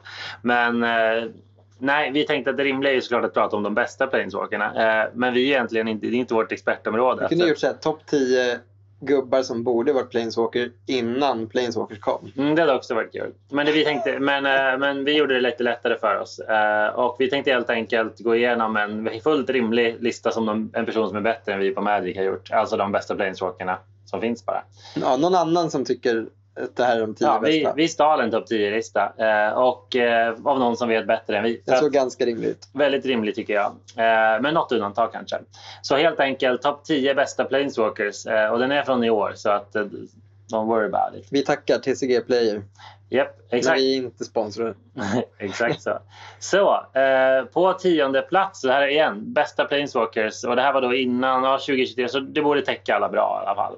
Ja, det gör det. Ja. Eh, och på tionde plats här så har vi eh, Teferi, Hero of Dominaria, från just eh, Dominaria. Ja. ja, men eh, första Return to Dominaria-sättet som kom för typ 5-6 år sedan. Eh, ja, det kom några, några starka kort i det sättet, men han sticker verkligen ut som sättets liksom main eh, card. Ja, Och eh, framförallt Pioneer är väl formatet som han sätter skräck i fortfarande tror jag. japp. Jag förlorade mot den nu i, i fredags. Mot Per. Japp. Ja, nej, men eh, du får så otroligt mycket av det här kortet. Alltså att verkligen hela, hela kortet är relevant. Det är det man vill när man betalar fem mana för en Planeswalker. måste det vara så. Mm. Eh, och jag tror så vitt jag vet är han utpushad ur modden mer eller mindre. Alltså att det är möjligt att han fortfarande kan hitta in i någon lek för att han är så jävla bra. Blåvitt kontroll är allting lek. Vissa slutar aldrig spela den. Men det är inte säkert att han är kvar där. För att Inte hundra, nej. Wandering Emperor och ma- många andra väldigt starka kort. Men han är en klassisk Planeswalker i den mån att han har en plus och en minus och en ulti. Ja. Och det som gör honom eh, bra och som vi kommer märka på den här listan är att eh, han kan hantera hot. Antingen genom att eh, tucka iväg dem, alltså in i leken med dem, minus tre. Eh, men också att hans plus är en sneaky sätt att protecta honom. Eh, för att han har alltså plus ett draw a card, vilket är jättevanligt bland Planeswalkers. Det är ofta så plus ett card advantage. Ja, Ofta, menar, om det inte är dra kort så är det liksom kolla två översta och lägga en i handen. Bla, bla, bla. men han ger lite mer. Men du får också, Teferi låter det också tappa upp två länder i ditt end step. Alltså, så vad som det betyder är ju att även när du tappar ut fem mana tappar ut dig för honom så kommer du alltså tappa upp två länder vilket betyder att du kan hålla uppe kontring eller spot removal. Ja, Och det visade sig vara extremt relevant. Eh, för att när man tappar ner för en Planeswalker för fem, visst du fick dra ett kort, men ofta om motståndarna har ett board eller bara en enda creature ute så kommer de ju slå ihjäl dem. eller removal spel eller vad som Ja visst, visst, exakt. Om de har spot removal mot Planeswalker eller liksom en, någonting som hanterar Planeswalkers eller bara en stor creature så eh, kommer han ju dö och det var inte så bra. Men du får tappa upp två länder och det gör all skillnad. Det är väldigt, väldigt bra. Och i exakt den typen av lekar som, spelar, eh, som vill spela en dyr Planeswalker så är Ja. det extra bra. Han är också otroligt frustrerande att spela mot för att eh, just det där att man, han liksom, åh, den där känslan av att säga jag vet att jag fortfarande har en chans, jag borde spela vidare men jag vill bara skopa för att chansen är så liten. Det Liksom. blir mindre och mindre snabbt. Ja, också. för, man drar, för motståndaren drar så mycket kort och sen till, närmar sig ultin som också är game winning. Liksom. Fast även den på ett obnoxious sätt. Liksom. ja, den tar lite tid på sig men du vinner ändå ja. Ja, nästan. Välförtjänt tionde plats. Ja, men på nionde plats har vi ett kort som blir bättre ju starkare formatet är. Det är en lite lustig sak med den. Här har vi Narset Parter of Vales. Mm. Eh, Vi nämnde är, ju henne lite kort innan. Ja men exakt. En eh, tremana Planeswalker, en eh, colorless två blå som framförallt har en static som säger att each opponent can't draw more than one card each turn. Hon har fem loyalty och inga plus eh, abilities ska sägas. Utan hon har bara en ability som är minus två. Och jag får titta på de översta fyra korten och lägga en non-creature, non-land card in i din hand. Exakt. Så det är egentligen minus två att dra ett kort fast oftast bättre. Hon kan whiffa men gör ju inte det i de lekar man spelar. Men oftast är du ute efter den här för statiken. Du får lite card advantage själv men framförallt så är det ju antingen som ett kombokort. Alltså tillsammans med wheel-effekter så säger det här du diskar din hand och drar sju, din motståndare diskar sin hand och drar ett. Och det är ju ett väldigt obehagligt sätt att använda på. Men ofta är det bara också ett väldigt bra kort mot eh, andra blåa lekar Ja, som försöker dra kort på olika sätt och hon säger nej. Ja Eh, vilket är ju exakt vad du vill göra i Legacy och Vintage som har väldigt starka eh, kortdrags-engines. Hon har också sett jättemycket spel i modern. Ja. Och IDH om du kör på ett hög nivå i alla fall. Ja, jag ser det hon superbra i. Så det här är ju verkligen ett kort som säger, det är roligt, man brukar kunna säga hur bra ett kort är genom att se hur dyrt det blir i olika bling-versioner. Hon har varit ganska dyr i olika sådana bling-versioner. I så här anime art, Foil eh, William. Mm. dyr som fan. Yep. Men eh, superstark, jag vet inte, hon är inte, det finns inte supermycket mer att säga om henne. Alltså det är bara så uppenbart vad hon Hon är så kompetitiv och hon är inte rolig. Liksom. Alltså hon, är, hon, är, hon är police. Liksom. Det är jättetråkigt för motståndaren. Antingen så gör de att motståndaren inte får, knappt får spela Magic, alltså på det sätt de tänkte. Eller så bara vinner de på ett riktigt störigt kombo, alltså som du sa med Wheel Effect. Ja, ja visst. Så, Å andra sidan, eh, in, till skillnad från Jay som vi pratade om nyss, har du blivit utsatt för den wheelen så kan du ju skopa ganska snabbt. Ja, till fel menar du? Ja, Ja, förlåt, till fel. Exakt. så är det. Yes, eh, då så. Vi rullar vidare. På åttonde plats på den här listan skulle jag säga att det är eh, spoiler, men det är den enda placeringen som jag inte, som jag inte alls förstår. Men ändå lite kul att han är med. eh, Just för att det är ju rent lårmässigt den kanske kändaste Planeswalkern av alla nästan. Mm, en av dem. Ja, åtminstone de absolut kändaste. Och det är ju Nicky B då, Nicol Bolas the Ravager. Så kanske att han fick en hedersplats här. Eh, och i det här fallet så är det, det finns flera varianter av honom ska sägas. Eh, så jag vill nästan, nu kommer sluta med nu att prata mer om ett annat kort. Men jag måste ju säga när han kom, Nicol Bolas som heter Nicol Bolas Planeswalker. Eh, Det var ju också, minst det, det snackade man mycket om i Conflux. Alltså det var så jävla coolt att han var tillbaks. Och att han var riktigt fet också. Ja, verkligen. Han har ju mana, liksom letat, letat sig in i många kuber. Som Ja, liksom, Mest av kärlek bara. Jo, men också för att det är, fan, kan du resolva honom på något sätt så är det ju, han är stark. Ja, oh ja. Men det är inte honom vi pratar om nu utan nu är det Creature-versionen. Eh, och det kan man också... Ja. Exakt, så det är en, en creature alltså. Men då kanske någon undrar, vadå? Vi skulle prata om Planeswalkers. Men det är en 4-4 flying för 4 i alla fall. När den kommer in från motståndarna, släng ett kort. Och sen kan du betala 7 mana och Grixis färger såklart. För båda är alltid Grixis. Eh, för att exila honom, ta tillbaka honom, transforma. Och på andra sidan så har vi ju, surprise surprise, en Planeswalker. Och det är lite coolt att den här grejen med en creature som blir en Planeswalker, eller hur? Det är en väldigt, eh, bara en väldigt cool grej. Alltså det är coola kort liksom. Du gjorde flera stycken. Ja, men det, han, han, det som var med honom, han var ju bra i det standardmetat så jag är inte jätteförvånad att han är med. Liksom. Det var ju en... Eh, eh, fanns en annan riktigt obnoxious Grixis eh, Planeswalker då som också var en Nicol Bolas som tog, från War of the Spark som tog alla andra Planeswalkers abilities vilket också var en Godfire, skitcool ja. Nicol Bolas. ja. Eh, men den här grejen med den här är att du dels får ju redan den här 4-4 för 4 med en bra ETB-effekt. Nu Ja. slänger ett kort. Och evasion. Ja, ja. Men om, men om det inte är bra nog så har han uppsidan att du kan flippa honom och då är han ju helt vild. Den här. Alltså plus två, dra ett kort. Minus tre, skjut 10 i en gubbe eller en planeswalker. Minus fyra, ta tillbaka någonting från eh, graven in i spel. Och en game winning ulti. Japp. Så det är verkligen, han var ju ja, bra liksom midrange och late game kort. Liksom. Mm. Nej, det är riktigt nice. Jag vet att eh, Krim, eh, alltså mm, inte Krim som i genren utan Krim som i Poem to Goldfish. Det är en meme att han alltid spelar det här kortet i alla format där den är legal. För att han spelar alltid Grixis Control och Grixis Dragons. Nice. Eh, och det är fint att se varje gång. Eh, det är ett nice kort. Okej, sjuan har vi också nämnt tidigare. Och det är ju eh, Liberace, den byxlöse Carl Ja. Liber. Det är roligt att du tar upp det med byxlös. Det var du som lärde mig att Karn, de bra versionerna av Karn har inga byxor på sig. Alltså Karn the Great Creator och Karn Liberace. jag snodde det säkert från någon. Men ja, jag sa det förut. Ja. Eh, Medan de versionerna som är ganska lugna liksom, har byxorna på. Och det här är en rolig liksom, Trailer Park Boys-referens. För det är han Randy i Trailer Park Boys. Om ni inte har sett det så sluta lyssna på våran podd och gå och titta på Trailer Park Boys istället. Eh, tar alltid av sig byxorna när han ska slåss. Japp. Eh, och blir liksom starkare då. Ingen vågar slåss mot honom. Han har fått av sig byxorna. Så man måste alltid sänka honom innan han hinner få av sig brallorna. Ja, man har Så- aldrig tröja på sig heller. Det har han aldrig. Nej, oavsett. Så om de ska köpa en riktigt dålig karn så har han både byxor och tröja. Japp. Nej men vadå, för sju mana så får du en Planeswalker som kan antingen exila vad som helst. En permanent liksom. Ja. Eller tvinga motståndaren att exila ett kort från sin hand. Och sen är hans ulti jätterolig. För det är en av de få sätten i hela Magic som låter dig starta om matchen. Ja, Och då tänker du så här, va? Jag har tagit mig till ulti med min Planeswalker. Då vill jag väl inte starta om matchen. Då vill jag väl vinna. Jo men grejen är den att du får börja med allt han har exilat i spel. Exakt, exakt. Eh, och eh, ofta är det så här, okej, okay, Planeswalker och då, han kan inte skydda sig själv förutom att minus trea. Det är ändå så här, mm, I don't know. Men grejen med honom är också att han har så våldsamt mycket loyalty. Alltså om du plussar honom så har han 10 loyalty. Det är liksom helt unheard of. Det var det då i alla fall. Ja, verkligen. Och om motståndaren kan slå honom på 10 så är det antagligen en bättre idé för dem att slå dig på 10. Ja, exakt. Så han är ju jättejobbig att hantera. Japp. Han är galen. Och han löser massa olika jobbiga lock pieces och skit. Nej, vet han känns bara... Han har varit riktigt stabil länge. Så är det. På sjätte plats eh, så har vi också ett kort vi nämnt lite och det är The Wandering Emperor från eh, Kamigawa Neon Dynasty. Så ett ganska nytt kort. Ja. ja Camino Neon Dynasty får väl sägas vara en av de mest lyckade releaserna de har gjort senare år. Alltså extremt älskat. Både hela det här Neon... Eh, eh, Cyberpunk. Cyberpunk-grejen var superpoppis men också så många kort. Så Channel-länderna, eh, flera Planeswalkers som har varit bra. Eh, bra gubbar. Bara Jäkla stabilt sätt alltså. Ja.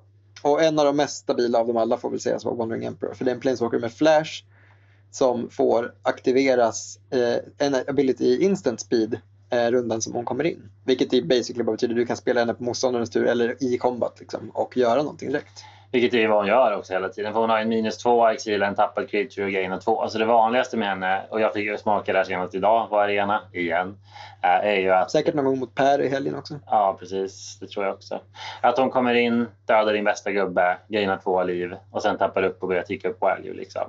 Så förutom att hon är bra i typ vit aggro, helt okej i alla fall, och att hon är bra i eh, vitsvarta typ så här, kon- så här midrange-lekar, så sitter hon ju som en smäck i de blåvita kontrolllekarna. Ja, För du sitter där och håller uppe på en kontring och om den inte har gjort någonting i slutet på motståndarens tur och inte du har behövt liksom kontra något, kan du passa på att försöka smyga in en sån här och bara börja vinna matchen. ja nej, Flash är det som gör det. Alltså det är helt, alltså det är helt avgörande. Liksom. Och det är den enda placewalken med Flash och eh, nästan att jag hoppas att vi får vänta länge på nästa för att det är så jävla OP. Ja, det är riktigt bra. En jättekort kommentar till att det är lite roligt med Wanderer för att eh, det är den enda Planeswalker som inte har en Planeswalker type. Mm. Eh, det var en Legendary Planeswalker, det står inte Wanderer för att lårmässigt så vet man fortfarande inte vem hon är. Ah, vad coolt. Mm, det är kul. Eh, yes. Men här kommer en fan favorite, jag kan ta den. Ja, gärna. Så eh, första Lilianan som vi nämnde idag var Liliana Vess. Mm. Och hon är stabil. Ja. Eh, vet inte riktigt vart hon skulle se spel, men kommer inte göra det. Men den här pärlan så har sett spel ända sedan hon kom och gör fortfarande det idag. ja, Liliana of the Veil. såklart. Så för två svarta och en så får du eh, Magics arguably snyggaste Planeswalker. Och eh, det är det vad det jag vill säga. Ja. ja, men exakt. Då går vi vidare. Eh, nej, men hon, är, hon är inte med på listan för att hon är snygg. Hon är Mm. med på listan för att hon är så jävla bra. Ja. Så du får som vanligt med en Planeswalker välja lite olika bra abilities. Du kan antingen välja att alla spelare slänger ett kort. Eller så kan du välja att en spelare sackar en creature. Det här är det som är så nice med henne. För hon kan skydda dig mot motståndarens gubbar. Men hon kan också sätta press på de creaturelösa lekarna om du möter en kontrolllek. Du tömmer din hand på något sätt så att du inte behöver slänga några kort. Eller så, så har du kort att slänga som är nice att slänga. Medan motståndaren måste sitta och slänga sina dyrt förvärvade bilder som de gärna hade haft kvar på handen. Eh, och om du tar dig till hennes ulti, vilket folk har gjort ganska många gånger mot mig och jag har fått göra det några gånger, så eh, är den extrem. Alltså du får dela upp motståndarens permanents i två högar och de får bara behålla den hela. Mm. Hon tar sig dit ganska snabbt. Hon börjar på tre och plussar upp till minus sex ganska lätt om man vill. Så hon var ju en centerpiece i Jund eh, i modern när vi spelade mycket modern typ runt 20, alltså när hon kom. Ja.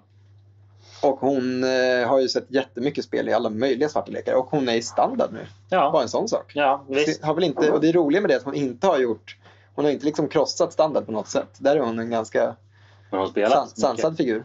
Jag tyckte det var en perfekt reprint faktiskt. Alltså både för att det var inte så här att ofta när de, det här har jag nämnt i något poddavsnitt för länge sedan, men ofta när de reprintar så här gamla bangers från förr så folk hypar alltid upp sig. Bara så här, jäklar den här som var så bra. Och så visar det sig att den inte håller måttet längre. Nej, precis. Eh, med några undantag så blir det ofta så liksom. Typ så här, Nantuko Shade är standard.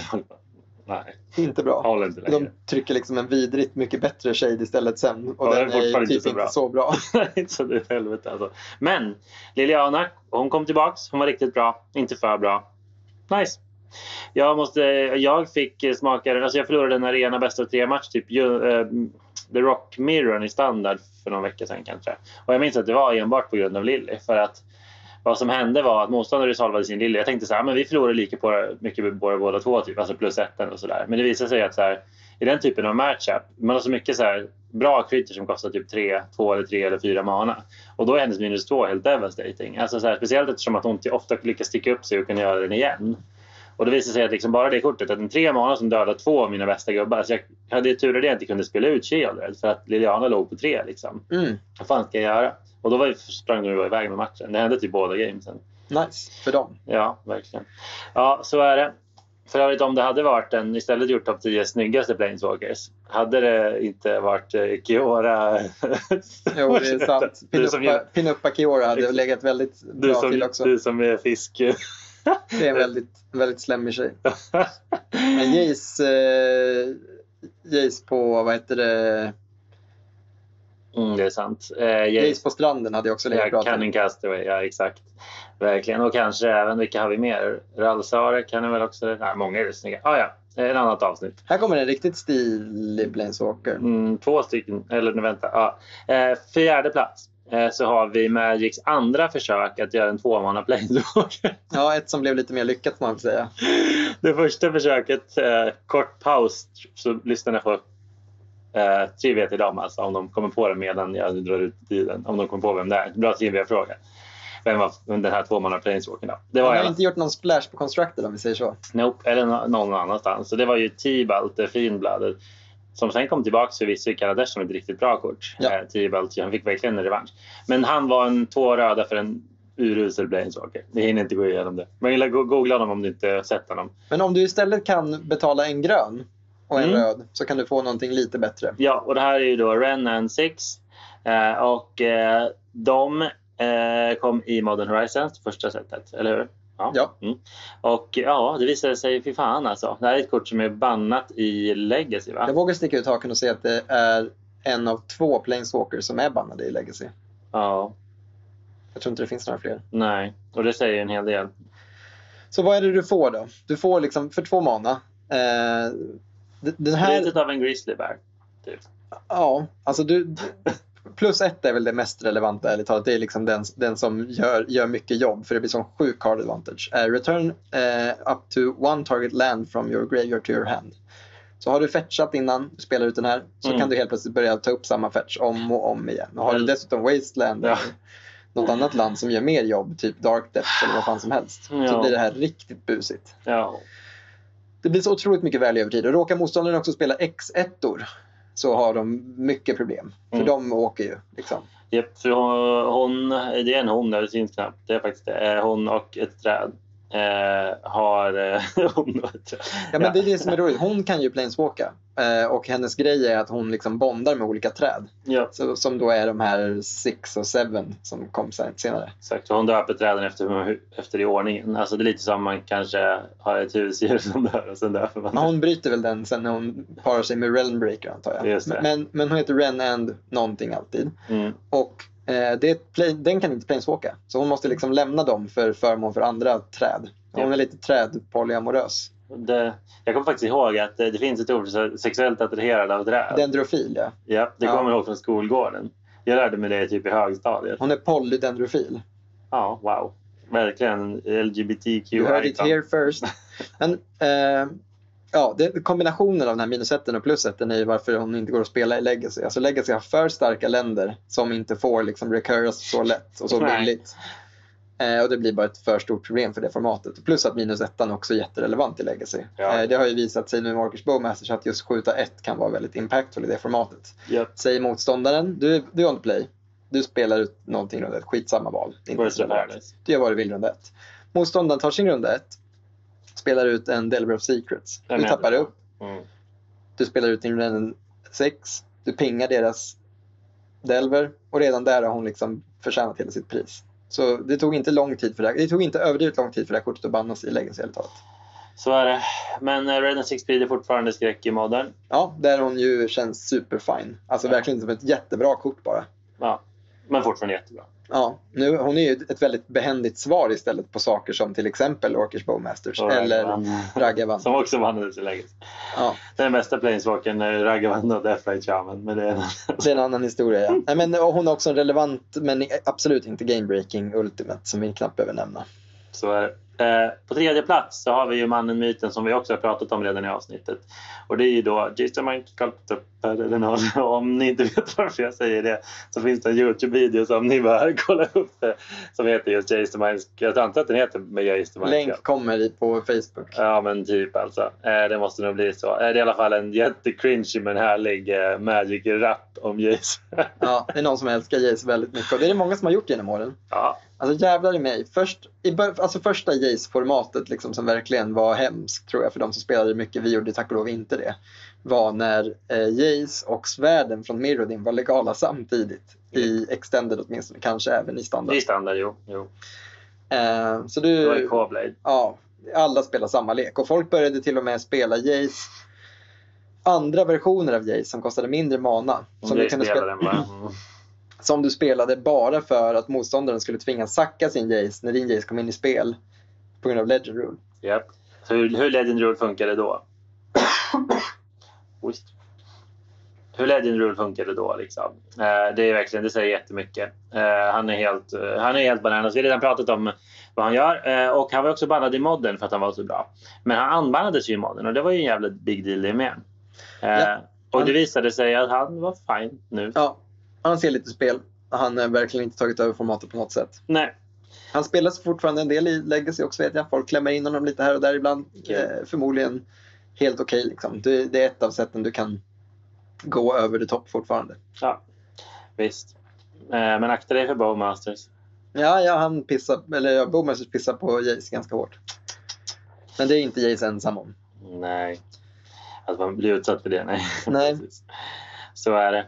Eh, yes, då har vi redan på plats två. Och på den här listan så har vi igen då eh, Magics, eh, vad heter det, mest eh, tidsresare. Det är ju Teferi igen. Teferi Time Raveler den här gången. Honom har vi också nämnt lite kort. Jajamän. Alltså Teferi Time Raveler är ett sånt där kort som definierar formaten han är med i.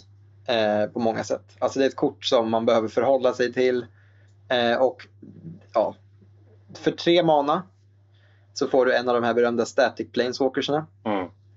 Eh, och hans static ability är att dina motståndare bara kan spela spells i sorcery speed. Så dina motståndare spelar nu Hearthstone medan du fortsätter att spela Magic the Gathering. Ja. Ehm, han har också en superrelevant minus 3. Eh, för han börjar på 4 loyalty. Eh, han har ingen ultimate. Nej. Hans minus 3 låter dig returna en artifact creature eller enchantment till motståndarens hand eller till ägarens hand. Det kan även vara din egna. Förlåt, Vilket också är väldigt relevant. relevant. Ja, exakt. Och då får du dra ett kort. Och du behöver inte ens ha ett target. Eh, så han är card advantage, vilket är vad du vill ha utav en planeswalker ofta. Ja, Han är svar, vilket är vad du vill ha utav en planeswalker ofta. Och han råkar också bara autovinna control mirrors och många andra matchups som är beroende av att kunna göra saker i instant speed. ja. Dumt nog, just för hur reglerna funkar så även kort som Cascade till exempel. Ja, ja han stänger bara av eh, både Cascade och eh, eh, vad heter det, Suspend. Ja, För båda de sakerna händer i andra timings än Sorcery Speed. ja exakt. Och, och liknande saker också. Det finns ju några få lekar säkert som hittar på annat nonsens. Liksom.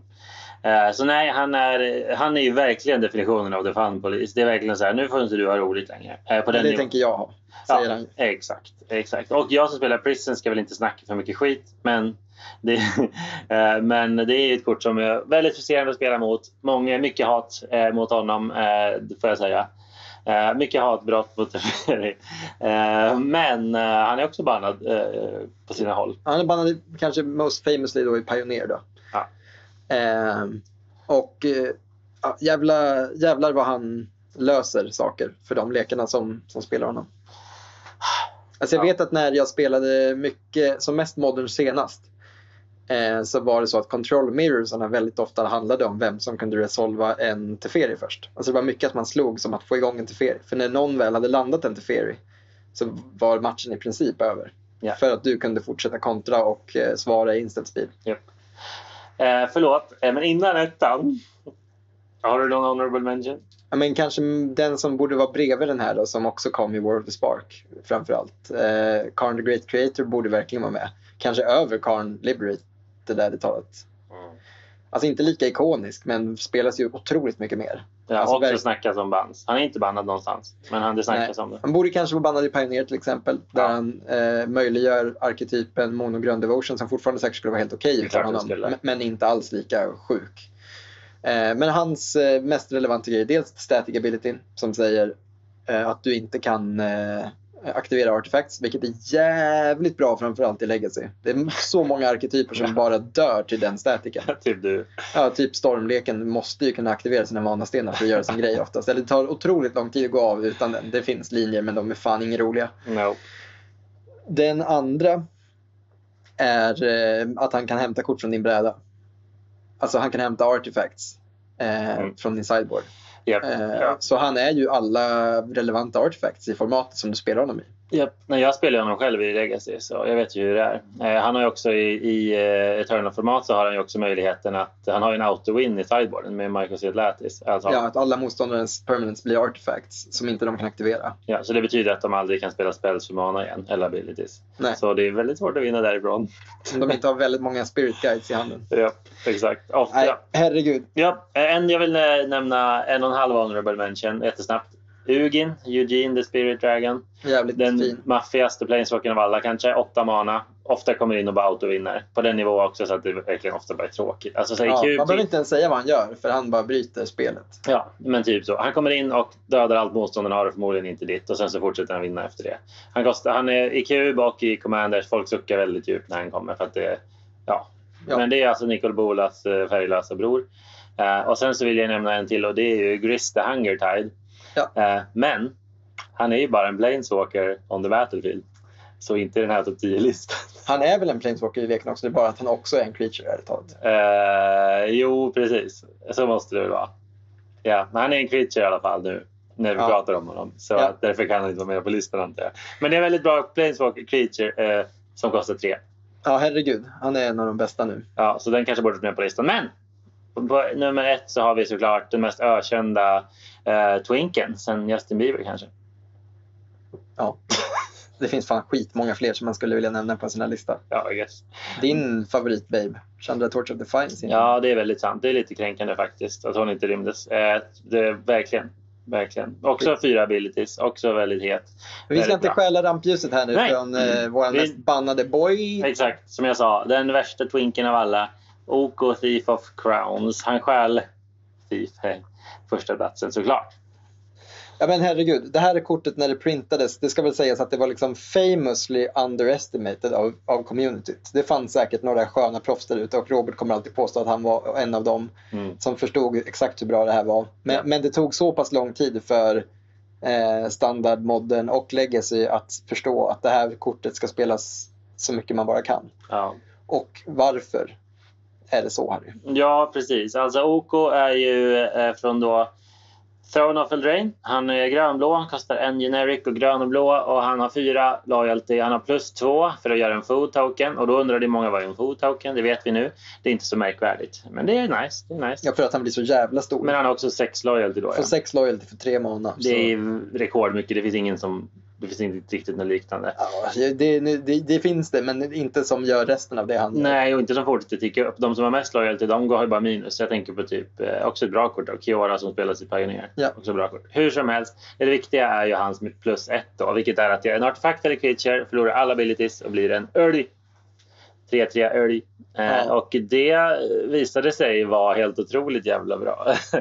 För det betyder det ju att eh, Ja, så här kan man, man kan se det. Magic-kort nu för tiden, eh, både du och jag, kanske mest jag, eh, blir ofta så här skakar på huvudet i fasen när man läser många nya kort för att de har så mycket text. Man bara läser rad efter rad om abilities. Liksom. Ja. Ah, whenever it enters, whenever it attacks, whenever you do this or that. Ward 3, whatever. Eh, men OK eh, gör ju att de förlorar alla abilities så blir bara en 3-3. Och det visade sig snabbt att göra om ett av deras bästa kort i leken till en 3-3 varje runda och du får plus av det är helt otroligt brutet. Och du kan dessutom göra om dina egna saker till 3-3 om du mot förmodan vill. Men det är en nice bonus. Typ en food token kanske. Om du behöver något som blockar åt honom. Ja, det är, ju, det är ju väldigt lätt i Magic att göra det här redan på runda två. I alla format där han har varit spelbar i. Ja, genom Birds of Paradise och Gilded Goose och så. Ja, vilket betyder att du gör det så pass tidigt att det inte finns, rimligen finns någonting på andra sidan som hjälper till att hantera en så här stor planeswalker. Även om de har fått en 3-3 älg på köpet. Nej. Om du mot förmodan måste spela dem på runda tre eller senare så har ju du hunnit göra saker som gör att du ändå kan skydda honom. Så Ja. det han basically säger är tre mana, jag hanterar det som är mitt problem på brädet. Och jag fortsätter att leverera en vinst till den som spelar mig. För jag börjar göra food tokens som sen blir 3-3. Så först när han kommer in hanterar han biffen. Och ju längre han får vara i spel, desto mer kommer du kunna ta över matchen. Japp. Så ett av, alltså det finns ju få kort som exemplifierar så bra att bara själv kunna hela, alltså hantera en hel, eh, en hel match. Ja, och sen om inte det var nog så har han ju också en inom citationstecken ulti. Den är inte riktigt en ulti som ultis brukar vara. Men i alla fall minus fem för att byta kontroll av en artefakt eller creature som du har och en creature motståndare har som har power 3 eller mindre. Så vad du kan göra, det du oftast gör är ju att du ger bort en food token mot en riktigt bra creature på deras sida. Ja, och det här kan du också göra redan rundan efter han har kommit in i spel. Ja, ja, och Det han dör inte ens av det. Nej. Ja, vad ska man säga? OKR, det är knappt en diskussion längre. Jag minns när han kom så var det så här, folk bara, kan han vara bättre än Jace? Och folk bara, jag tror inte det. Fast jo, nu är det inget, alltså den diskussionen är över liksom. Ja. Alla vet det. Han det är, finns väl liksom situationer när Karn och Ja, Teferi ja, och så är bättre. Men han är ju är liksom det i, i ett vakuum strikt bäst. Ja, av Och alla kan- Planeswalkers. ja. Kanske ett av de bästa Magic-korten någonsin. Oh ja, oh ja. Och, och därför är jag också bannad i eh, alla format.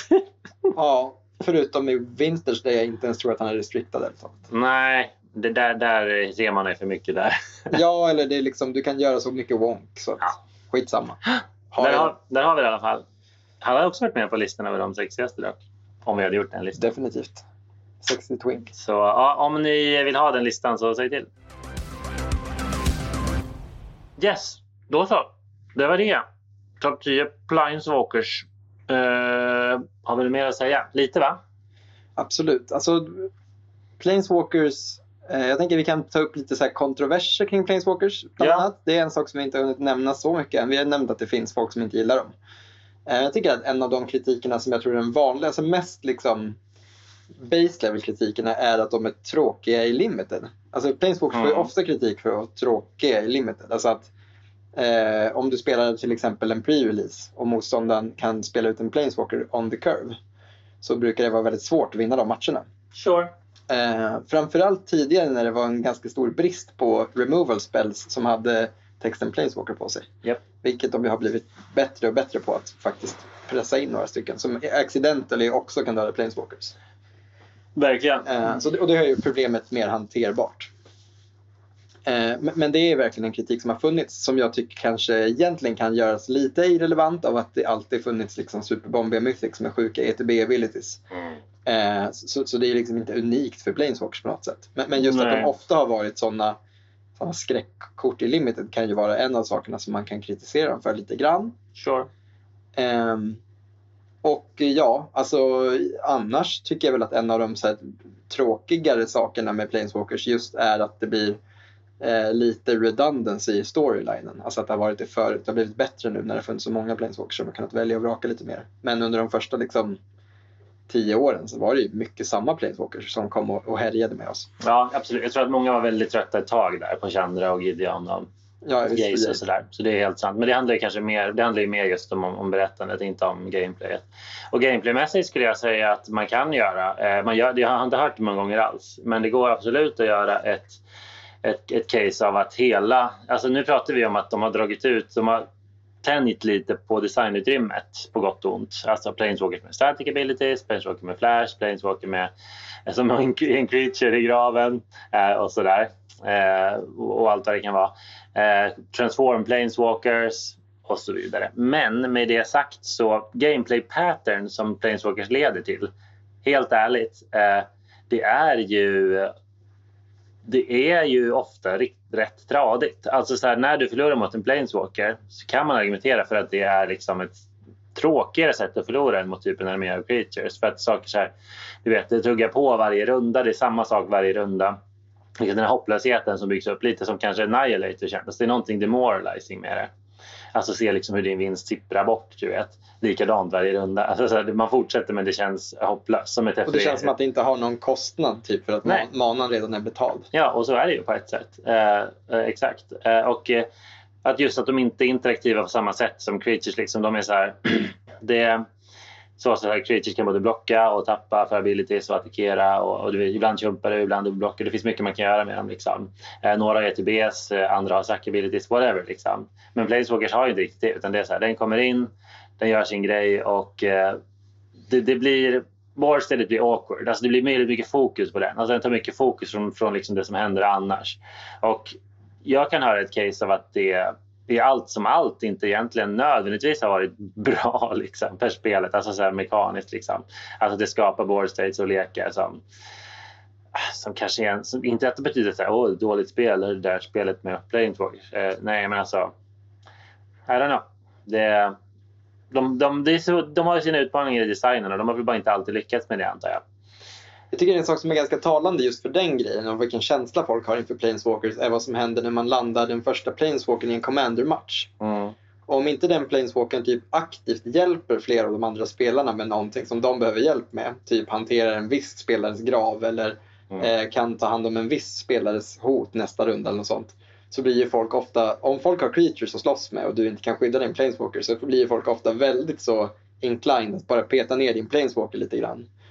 Och det är också nice av liksom diplomatiska skäl för att du går inte face och det känns liksom som att du kan göra liksom här odramatiskt. Ja, men jag slår förstås på din planeswalker. Men jag tror också att det har lite att göra med just vilken känsla folk har inför dem. Att Ja. Jag kan inte bara lämna den här value enginen i spel och jag kan faktiskt slå på den. Ja. Jag kan inte slå på din smothering tide.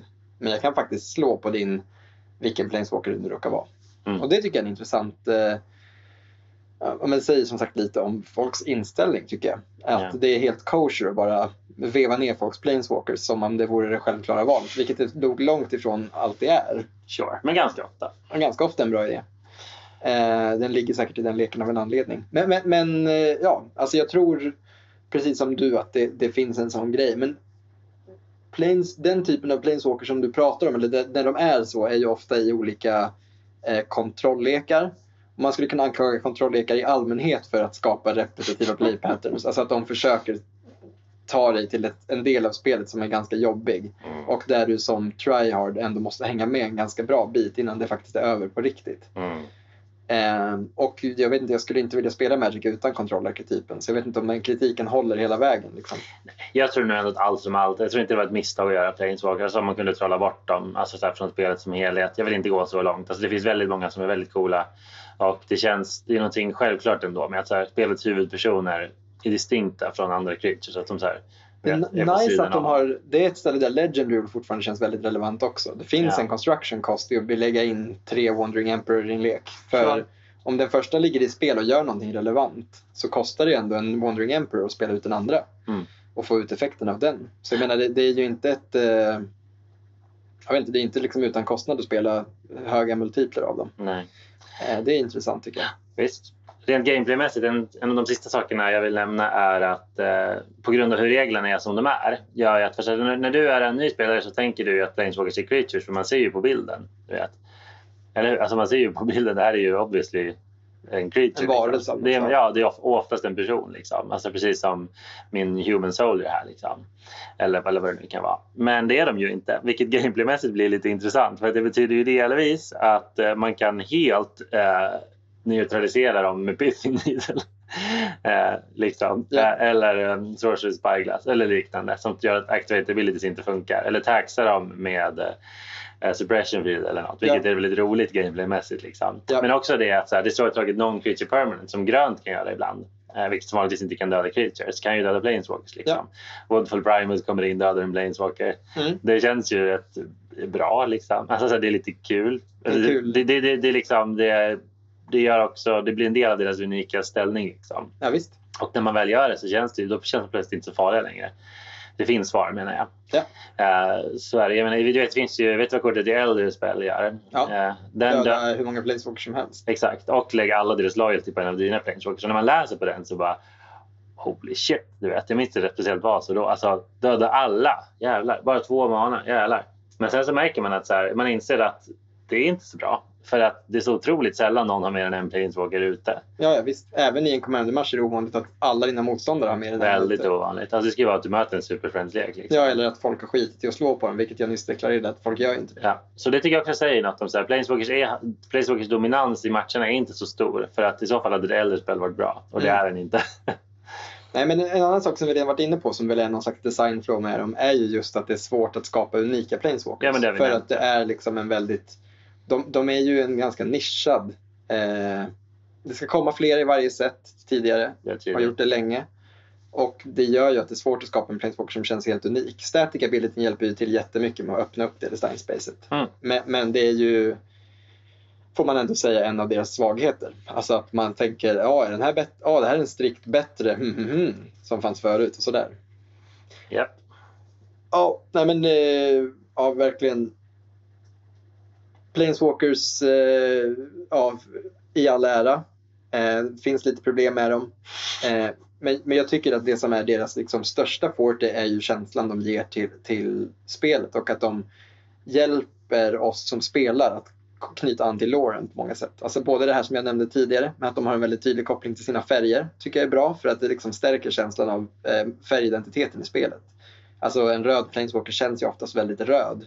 Eh, och, och det är ganska svårt att komma på en, en röd planeswalker som inte också verkligen känns röd. Nej, nej, och den grejen är ju sann för de flesta planeswalkers skulle jag säga. Ja. Det, det är en häftig... nej, men exakt så är det. Så allt som allt får man väl säga som jag sa. Jag tror nog att jag tror inte jag vill trolla bort dem. De har sina problem, men jag skulle ändå glad att de finns på något sätt. Och jag är nyfiken på att se vad de hittar på framåt. Jag gillar att de tagit ut svängarna och jag gillar, jag tror det är rätt det här att begränsa det dock. Alltså för Mm. att det ska hålla länge framöver. Liksom. Ja, framförallt eftersom de ska trycka om massa Planeswalkers som creatures ett tag nu. Så kommer det ju kunna Ja. vara, verkligen vara en grej. Exakt. Eh, och eh, precis så, ja. Det är väl lite det med det temat va. Eh, varför inte skriva upp en Comet Stellar Pup och spela i Legacy? För att det är en grattis Magic. Det är ett svart grattis pup du kan spela med. En hund i rymddräkt. Du kan spela hunden Laika i Legacy nu. Ja. Så ja, tänk på det ni vet jag. Medan vi tänker på kanske poddens sista segment. Show and tell. Ja, nej men jag är lite på hugget idag. Eh, så Du jag, har, kan, du har flash kan man säga. ja, jag känner att jag kan eh, köra först här också. Ja, okej. Eh, jag eh, hade ett stort eh, magic moment här om, här om veckan när jag spelade. Eh, på Magic Online. Jag är ju ingen stranger till Vintage Cuben och har spelat min beskärda del. Och man kan tycka att det här kanske borde ha hänt redan med tanke på att den här personen som jag kommer att prata om nu också gjort det. Men jag tror de av oss som har spelat Magic länge och mycket har ofta någon profil inom Magic som vi verkligen ser upp till, eller flera kanske. Eh, och för mig finns det flera stycken och i mitt fall råkar många av dem vara eh, väldigt bra spelare. Eh, men det kan ju också vara content creators som man älskar. Ja. Det kan vara artists för många som man verkligen tycker väldigt mycket om. Sure, sure, sure. Eh, men i mitt fall råkar många av dem vara Magic-proffs. Då. Jag tycker till exempel väldigt mycket om Gabriel Nassif. Gillar att följa honom. Eh, jag har börjat värma upp väldigt långsamt har det varit men jag har börjat gilla eh, många andra. Eh, och en av dem som jag har gillat väldigt länge, ända sedan faktiskt, vi pratade också om det här, ända sedan eh, den här K-Blade-leken var Ah, eh, ett riktigt pain in the ass. För det var då jag liksom upptäckte honom. Okej.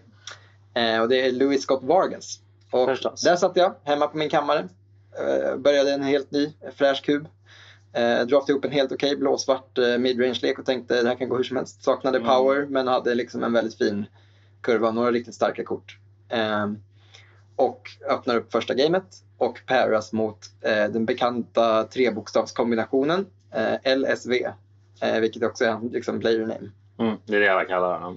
Eh, Ja, men det är hans account name på... Jag vet, jag vet. Så, så för många andra proffs skulle man nog inte ens fatta om man mötte. Om man liksom inte vet att de har det namnet på eh, MTG Arena. Eller förlåt, på Magic Online. Nej, just det. Vet du? Eh. Ja, nej. nej sant. Eh, Så av de liksom tusentals personer som spelade just den kvällen så fick jag möta en av mina stora Magic-hjältar. Mm. Eh, Så jag kände liksom bara, oh shit, det här kommer gå dåligt. Eh, Och mycket För riktigt. Jag tittar ju på videos när han spelar. Jag vet liksom att han är helt otroligt jävla sjukt bra på just Vintage Cube. Alltså förmodligen bäst i världen på just det. Liksom. Om, Ja, inte, om inte ja. bäst så en av de absolut bästa. Ja, ja, ja, ja, ja visst, visst. Eh, han, han, tänk, han ser liksom på korten på ett 100% annorlunda sätt än vad jag gör. Och upptäcker liksom linjer i sin deck construction som jag aldrig skulle se.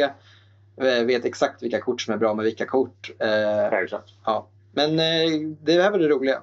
I Game 1 så byggde jag verkligen upp en stark känsla av att jag skulle kunna vinna. För jag hade en superbra eh, start med liksom jättebra disruption. Jag tog ner dem på låga resurser. Eh, och jag var verkligen... Alltså, alltså hade jag mött vilken annan spelare som helst så hade jag redan där och då känt att det här är ju över.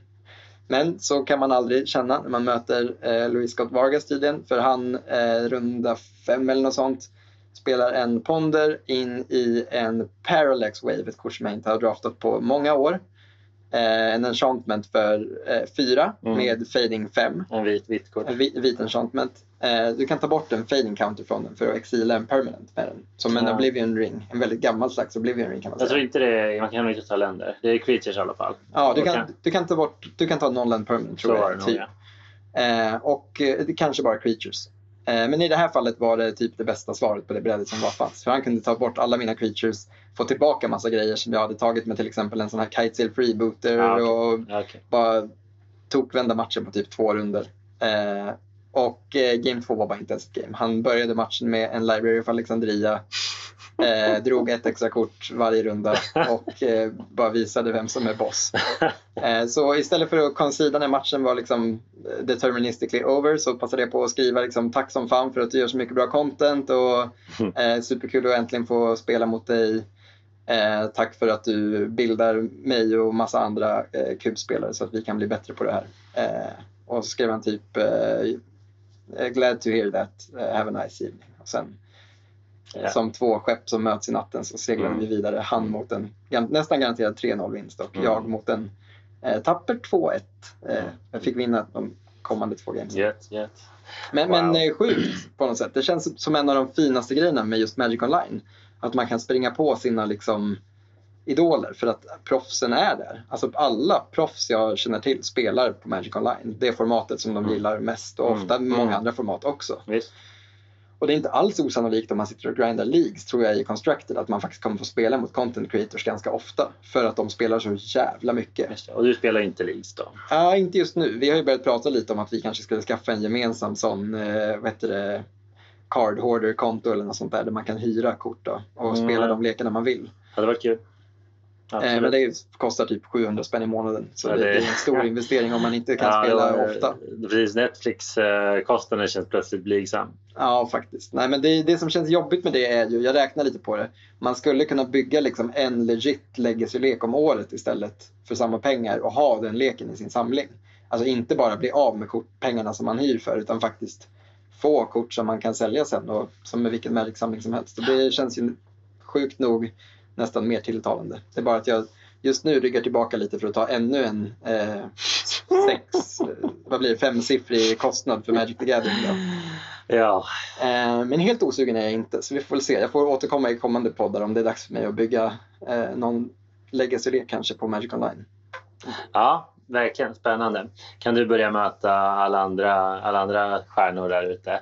Thraben Yugo och Doomwake och det gänget liksom. Eller Magic 8 kanske. Ja, eller hur? Nej, men jag vet inte på riktigt. Det känns som en, det, skulle kanske kunna vara ett nästa steg i Magic-karriären att Ja. faktiskt ta sig an det.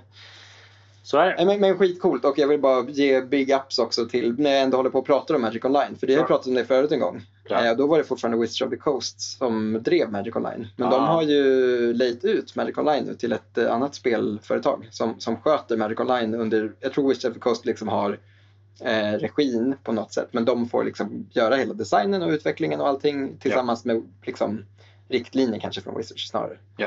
Och jag tror typ alla som spelar mycket på Magic Online verkar supernöjda med det här. Tycker att de gör ett jättebra jobb liksom, med att eh, se till att alla kort som är relevanta för Magic Online kommer dit och att de gör Ja. det på ett bra sätt. Och, Ja, Nej, men det är kul att höra. Det är kul att höra. Magic Online får ju ofta skit för att det ser ut att vara från 90-talet. Liksom. ja, det är Och det är det ju i någon mån, ja. Precis.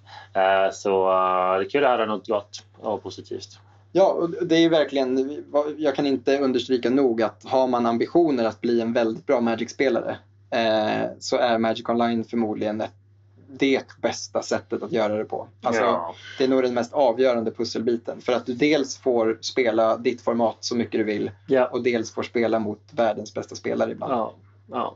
Nej, men verkligen bra. Bra sagt. Vi får göra ett till avsnitt om Magic Online kanske. Gärna. Gött, då så. Eh, jag kan köra en snabb liten show and tell också. Alltså jag har nämnt det här förut, men det känns ju som att alltså, det- releasetakten, det här vet vi, den är jättehög. Vi ska inte prata om det. Eh, men en av konsekvenserna av det är ju att det släpps en jäkla massa kort, varav många inte får den uppmärksamhet de förtjänar. Eh, och någonting som har hänt en del senaste åren är ju att det släpps liksom så här bra, lite tyngre manastenar. Det pratas mycket i Commander om två, att så här, alla manastenar som kostar mer än två är ospelbara. Så säger de här riktigt edgy, liksom, competitive Commander-spelarna. Du vet. Så, här, eller, så de bara, åh, om du spelar Coalition Relic i din lek så kan du liksom gå och dränka dig i en pöl. Du vet, för att, du vet, du, ja, så låter det. Ja. Ja, eh, exakt. Eh, men det finns ju manastenar som eh, visst är jäkligt bra som kostar mer än två. Och de tryckte en helt bananas ju i Commander-lekarna senast som heter Throne of Eldraine, alltså kortet. Har, har du ens läst på den? Nej. Nej, du ser. Det var precis det jag misstänkte. Så Throne of Eldraine är en legendary artefakt för fem. När den kommer in så får du välja en färg. Eh, Tappa, adda fyra mana av den färgen. Och helvete. Du får bara använda manan till monocolored spells. Så det är väldigt tydligt vad den här säger. Den säger spela mono. Ja. Ja, och belönas för det. Kanske tvåfärgat. Ja, så redan där har du en Gilded Lotus eh, fast för en mer mana. Och vi har alltid tyckt att Gilded Lotus är schysst. Liksom. Mm, mm. Men det är inte ens allt. Sen säger den också tre mana tappa. Ja, dra två kort. Du får bara använda den här ma- alltså den manan du valt för att aktivera den abilityn. Vilket ju inte blir problem om det är en modofärgad lek. nej. Så du har alltså en Gilded Lotus som tappar för ett extra och är en jättebra manasync. Tre tappa, dra två. Det är liksom så här above rate. Långt above rate. Ja, det är riktigt bra. Så ja, here you go. Eh, helt galen mana, manasten i monofärgade lekar som jag tror folk inte vet om. Eh, ja, köp den om du, om, om du har en 70-80 lappar och spelar Commander och gillar mono. För det är jag i alla fall. Jag tror jag måste kunna köpa några. Men var trycktes den här? I eh, Commander, Wilds with Rain. Eh, eh, Vilken? Den grönvita eller? Jag tror det. Eh, eller att den bara trycktes i, att den bara finns liksom i set boosters och collective boosters. Jag blir osäker nu. Ja. Ja. Eh, och en allra sista sak om det här kortet. Den fortsätter i den fina traditionen med kort som heter samma sak som set. Det är faktiskt jävligt nice. Det är lite roligt. Alltså följer då, den går, går liksom i samma fotspår som korten som Mirrored in Besieged och eh, Planar Chaos och eh, Ursa Saga. Ursa Saga och eh, Onslaught. Ja, det är kul. Just just det. Rise of Eldrazi kom med ett set som heter nu också. Eller Eller ett kort kort, just det, det gjorde det. Det var också nu ja. Mm. Väldigt nyligen. Commander Masters va? Jajamän. Kul. Ah, ja, men då så. Det var det tror jag. Ja, eh, och som seden eh, kräver av oss så ska vi tacka ett litet gäng som hjälper oss med att skapa den här podden. Vi har fått en jättefin omslagsbild, två numera, från Nick Staffas. Vi har fått en textlogo av Ember Artworks. Vi har fått hjälp hittills och nu för sista gången verkar det som att ladda upp de här avsnitten av Tobias Persson. Men vi är faktiskt på väg att ett, vet du, lansera vår nya lösning för det. Och vi menar den här gången. Och det är faktiskt, det ligger klart. Det är Exakt. bara att vi passar, vi passar på att göra på det gamla sättet. Kanske en gång till, vi får se. Eller så det här Visst, sista gången. Men då tackar vi också Tobias för en lång och trogen Ja. tjänst där han har manuellt behövt ladda upp med på Spelfaktoriets eh, eh, hostingtjänst. Med Eh, vev. Han har bara stått med en vevmaskin. Liksom. Så bara... han har behövt skriva in koden varje gång för Ja. varje avsnitt. Det är helt otroligt. Ja. Jag kan inte förstå det. Eh, och vi har fått en, eh, en gammal fin eh, jingel av Marcus Östlund som numera är ersatt av en ny sexig jingel från Kristoffer Gandrén. En Kristoffer som dessutom numera mixar våra avsnitt och är en del av det här lilla podcastkollektivet. Så är det. Så är det verkligen. Eh, Och Marcus Ingel är fortfarande med så vitt jag vet på slutet. Ja, Yes. Då så. Ska vi sätta punkt där?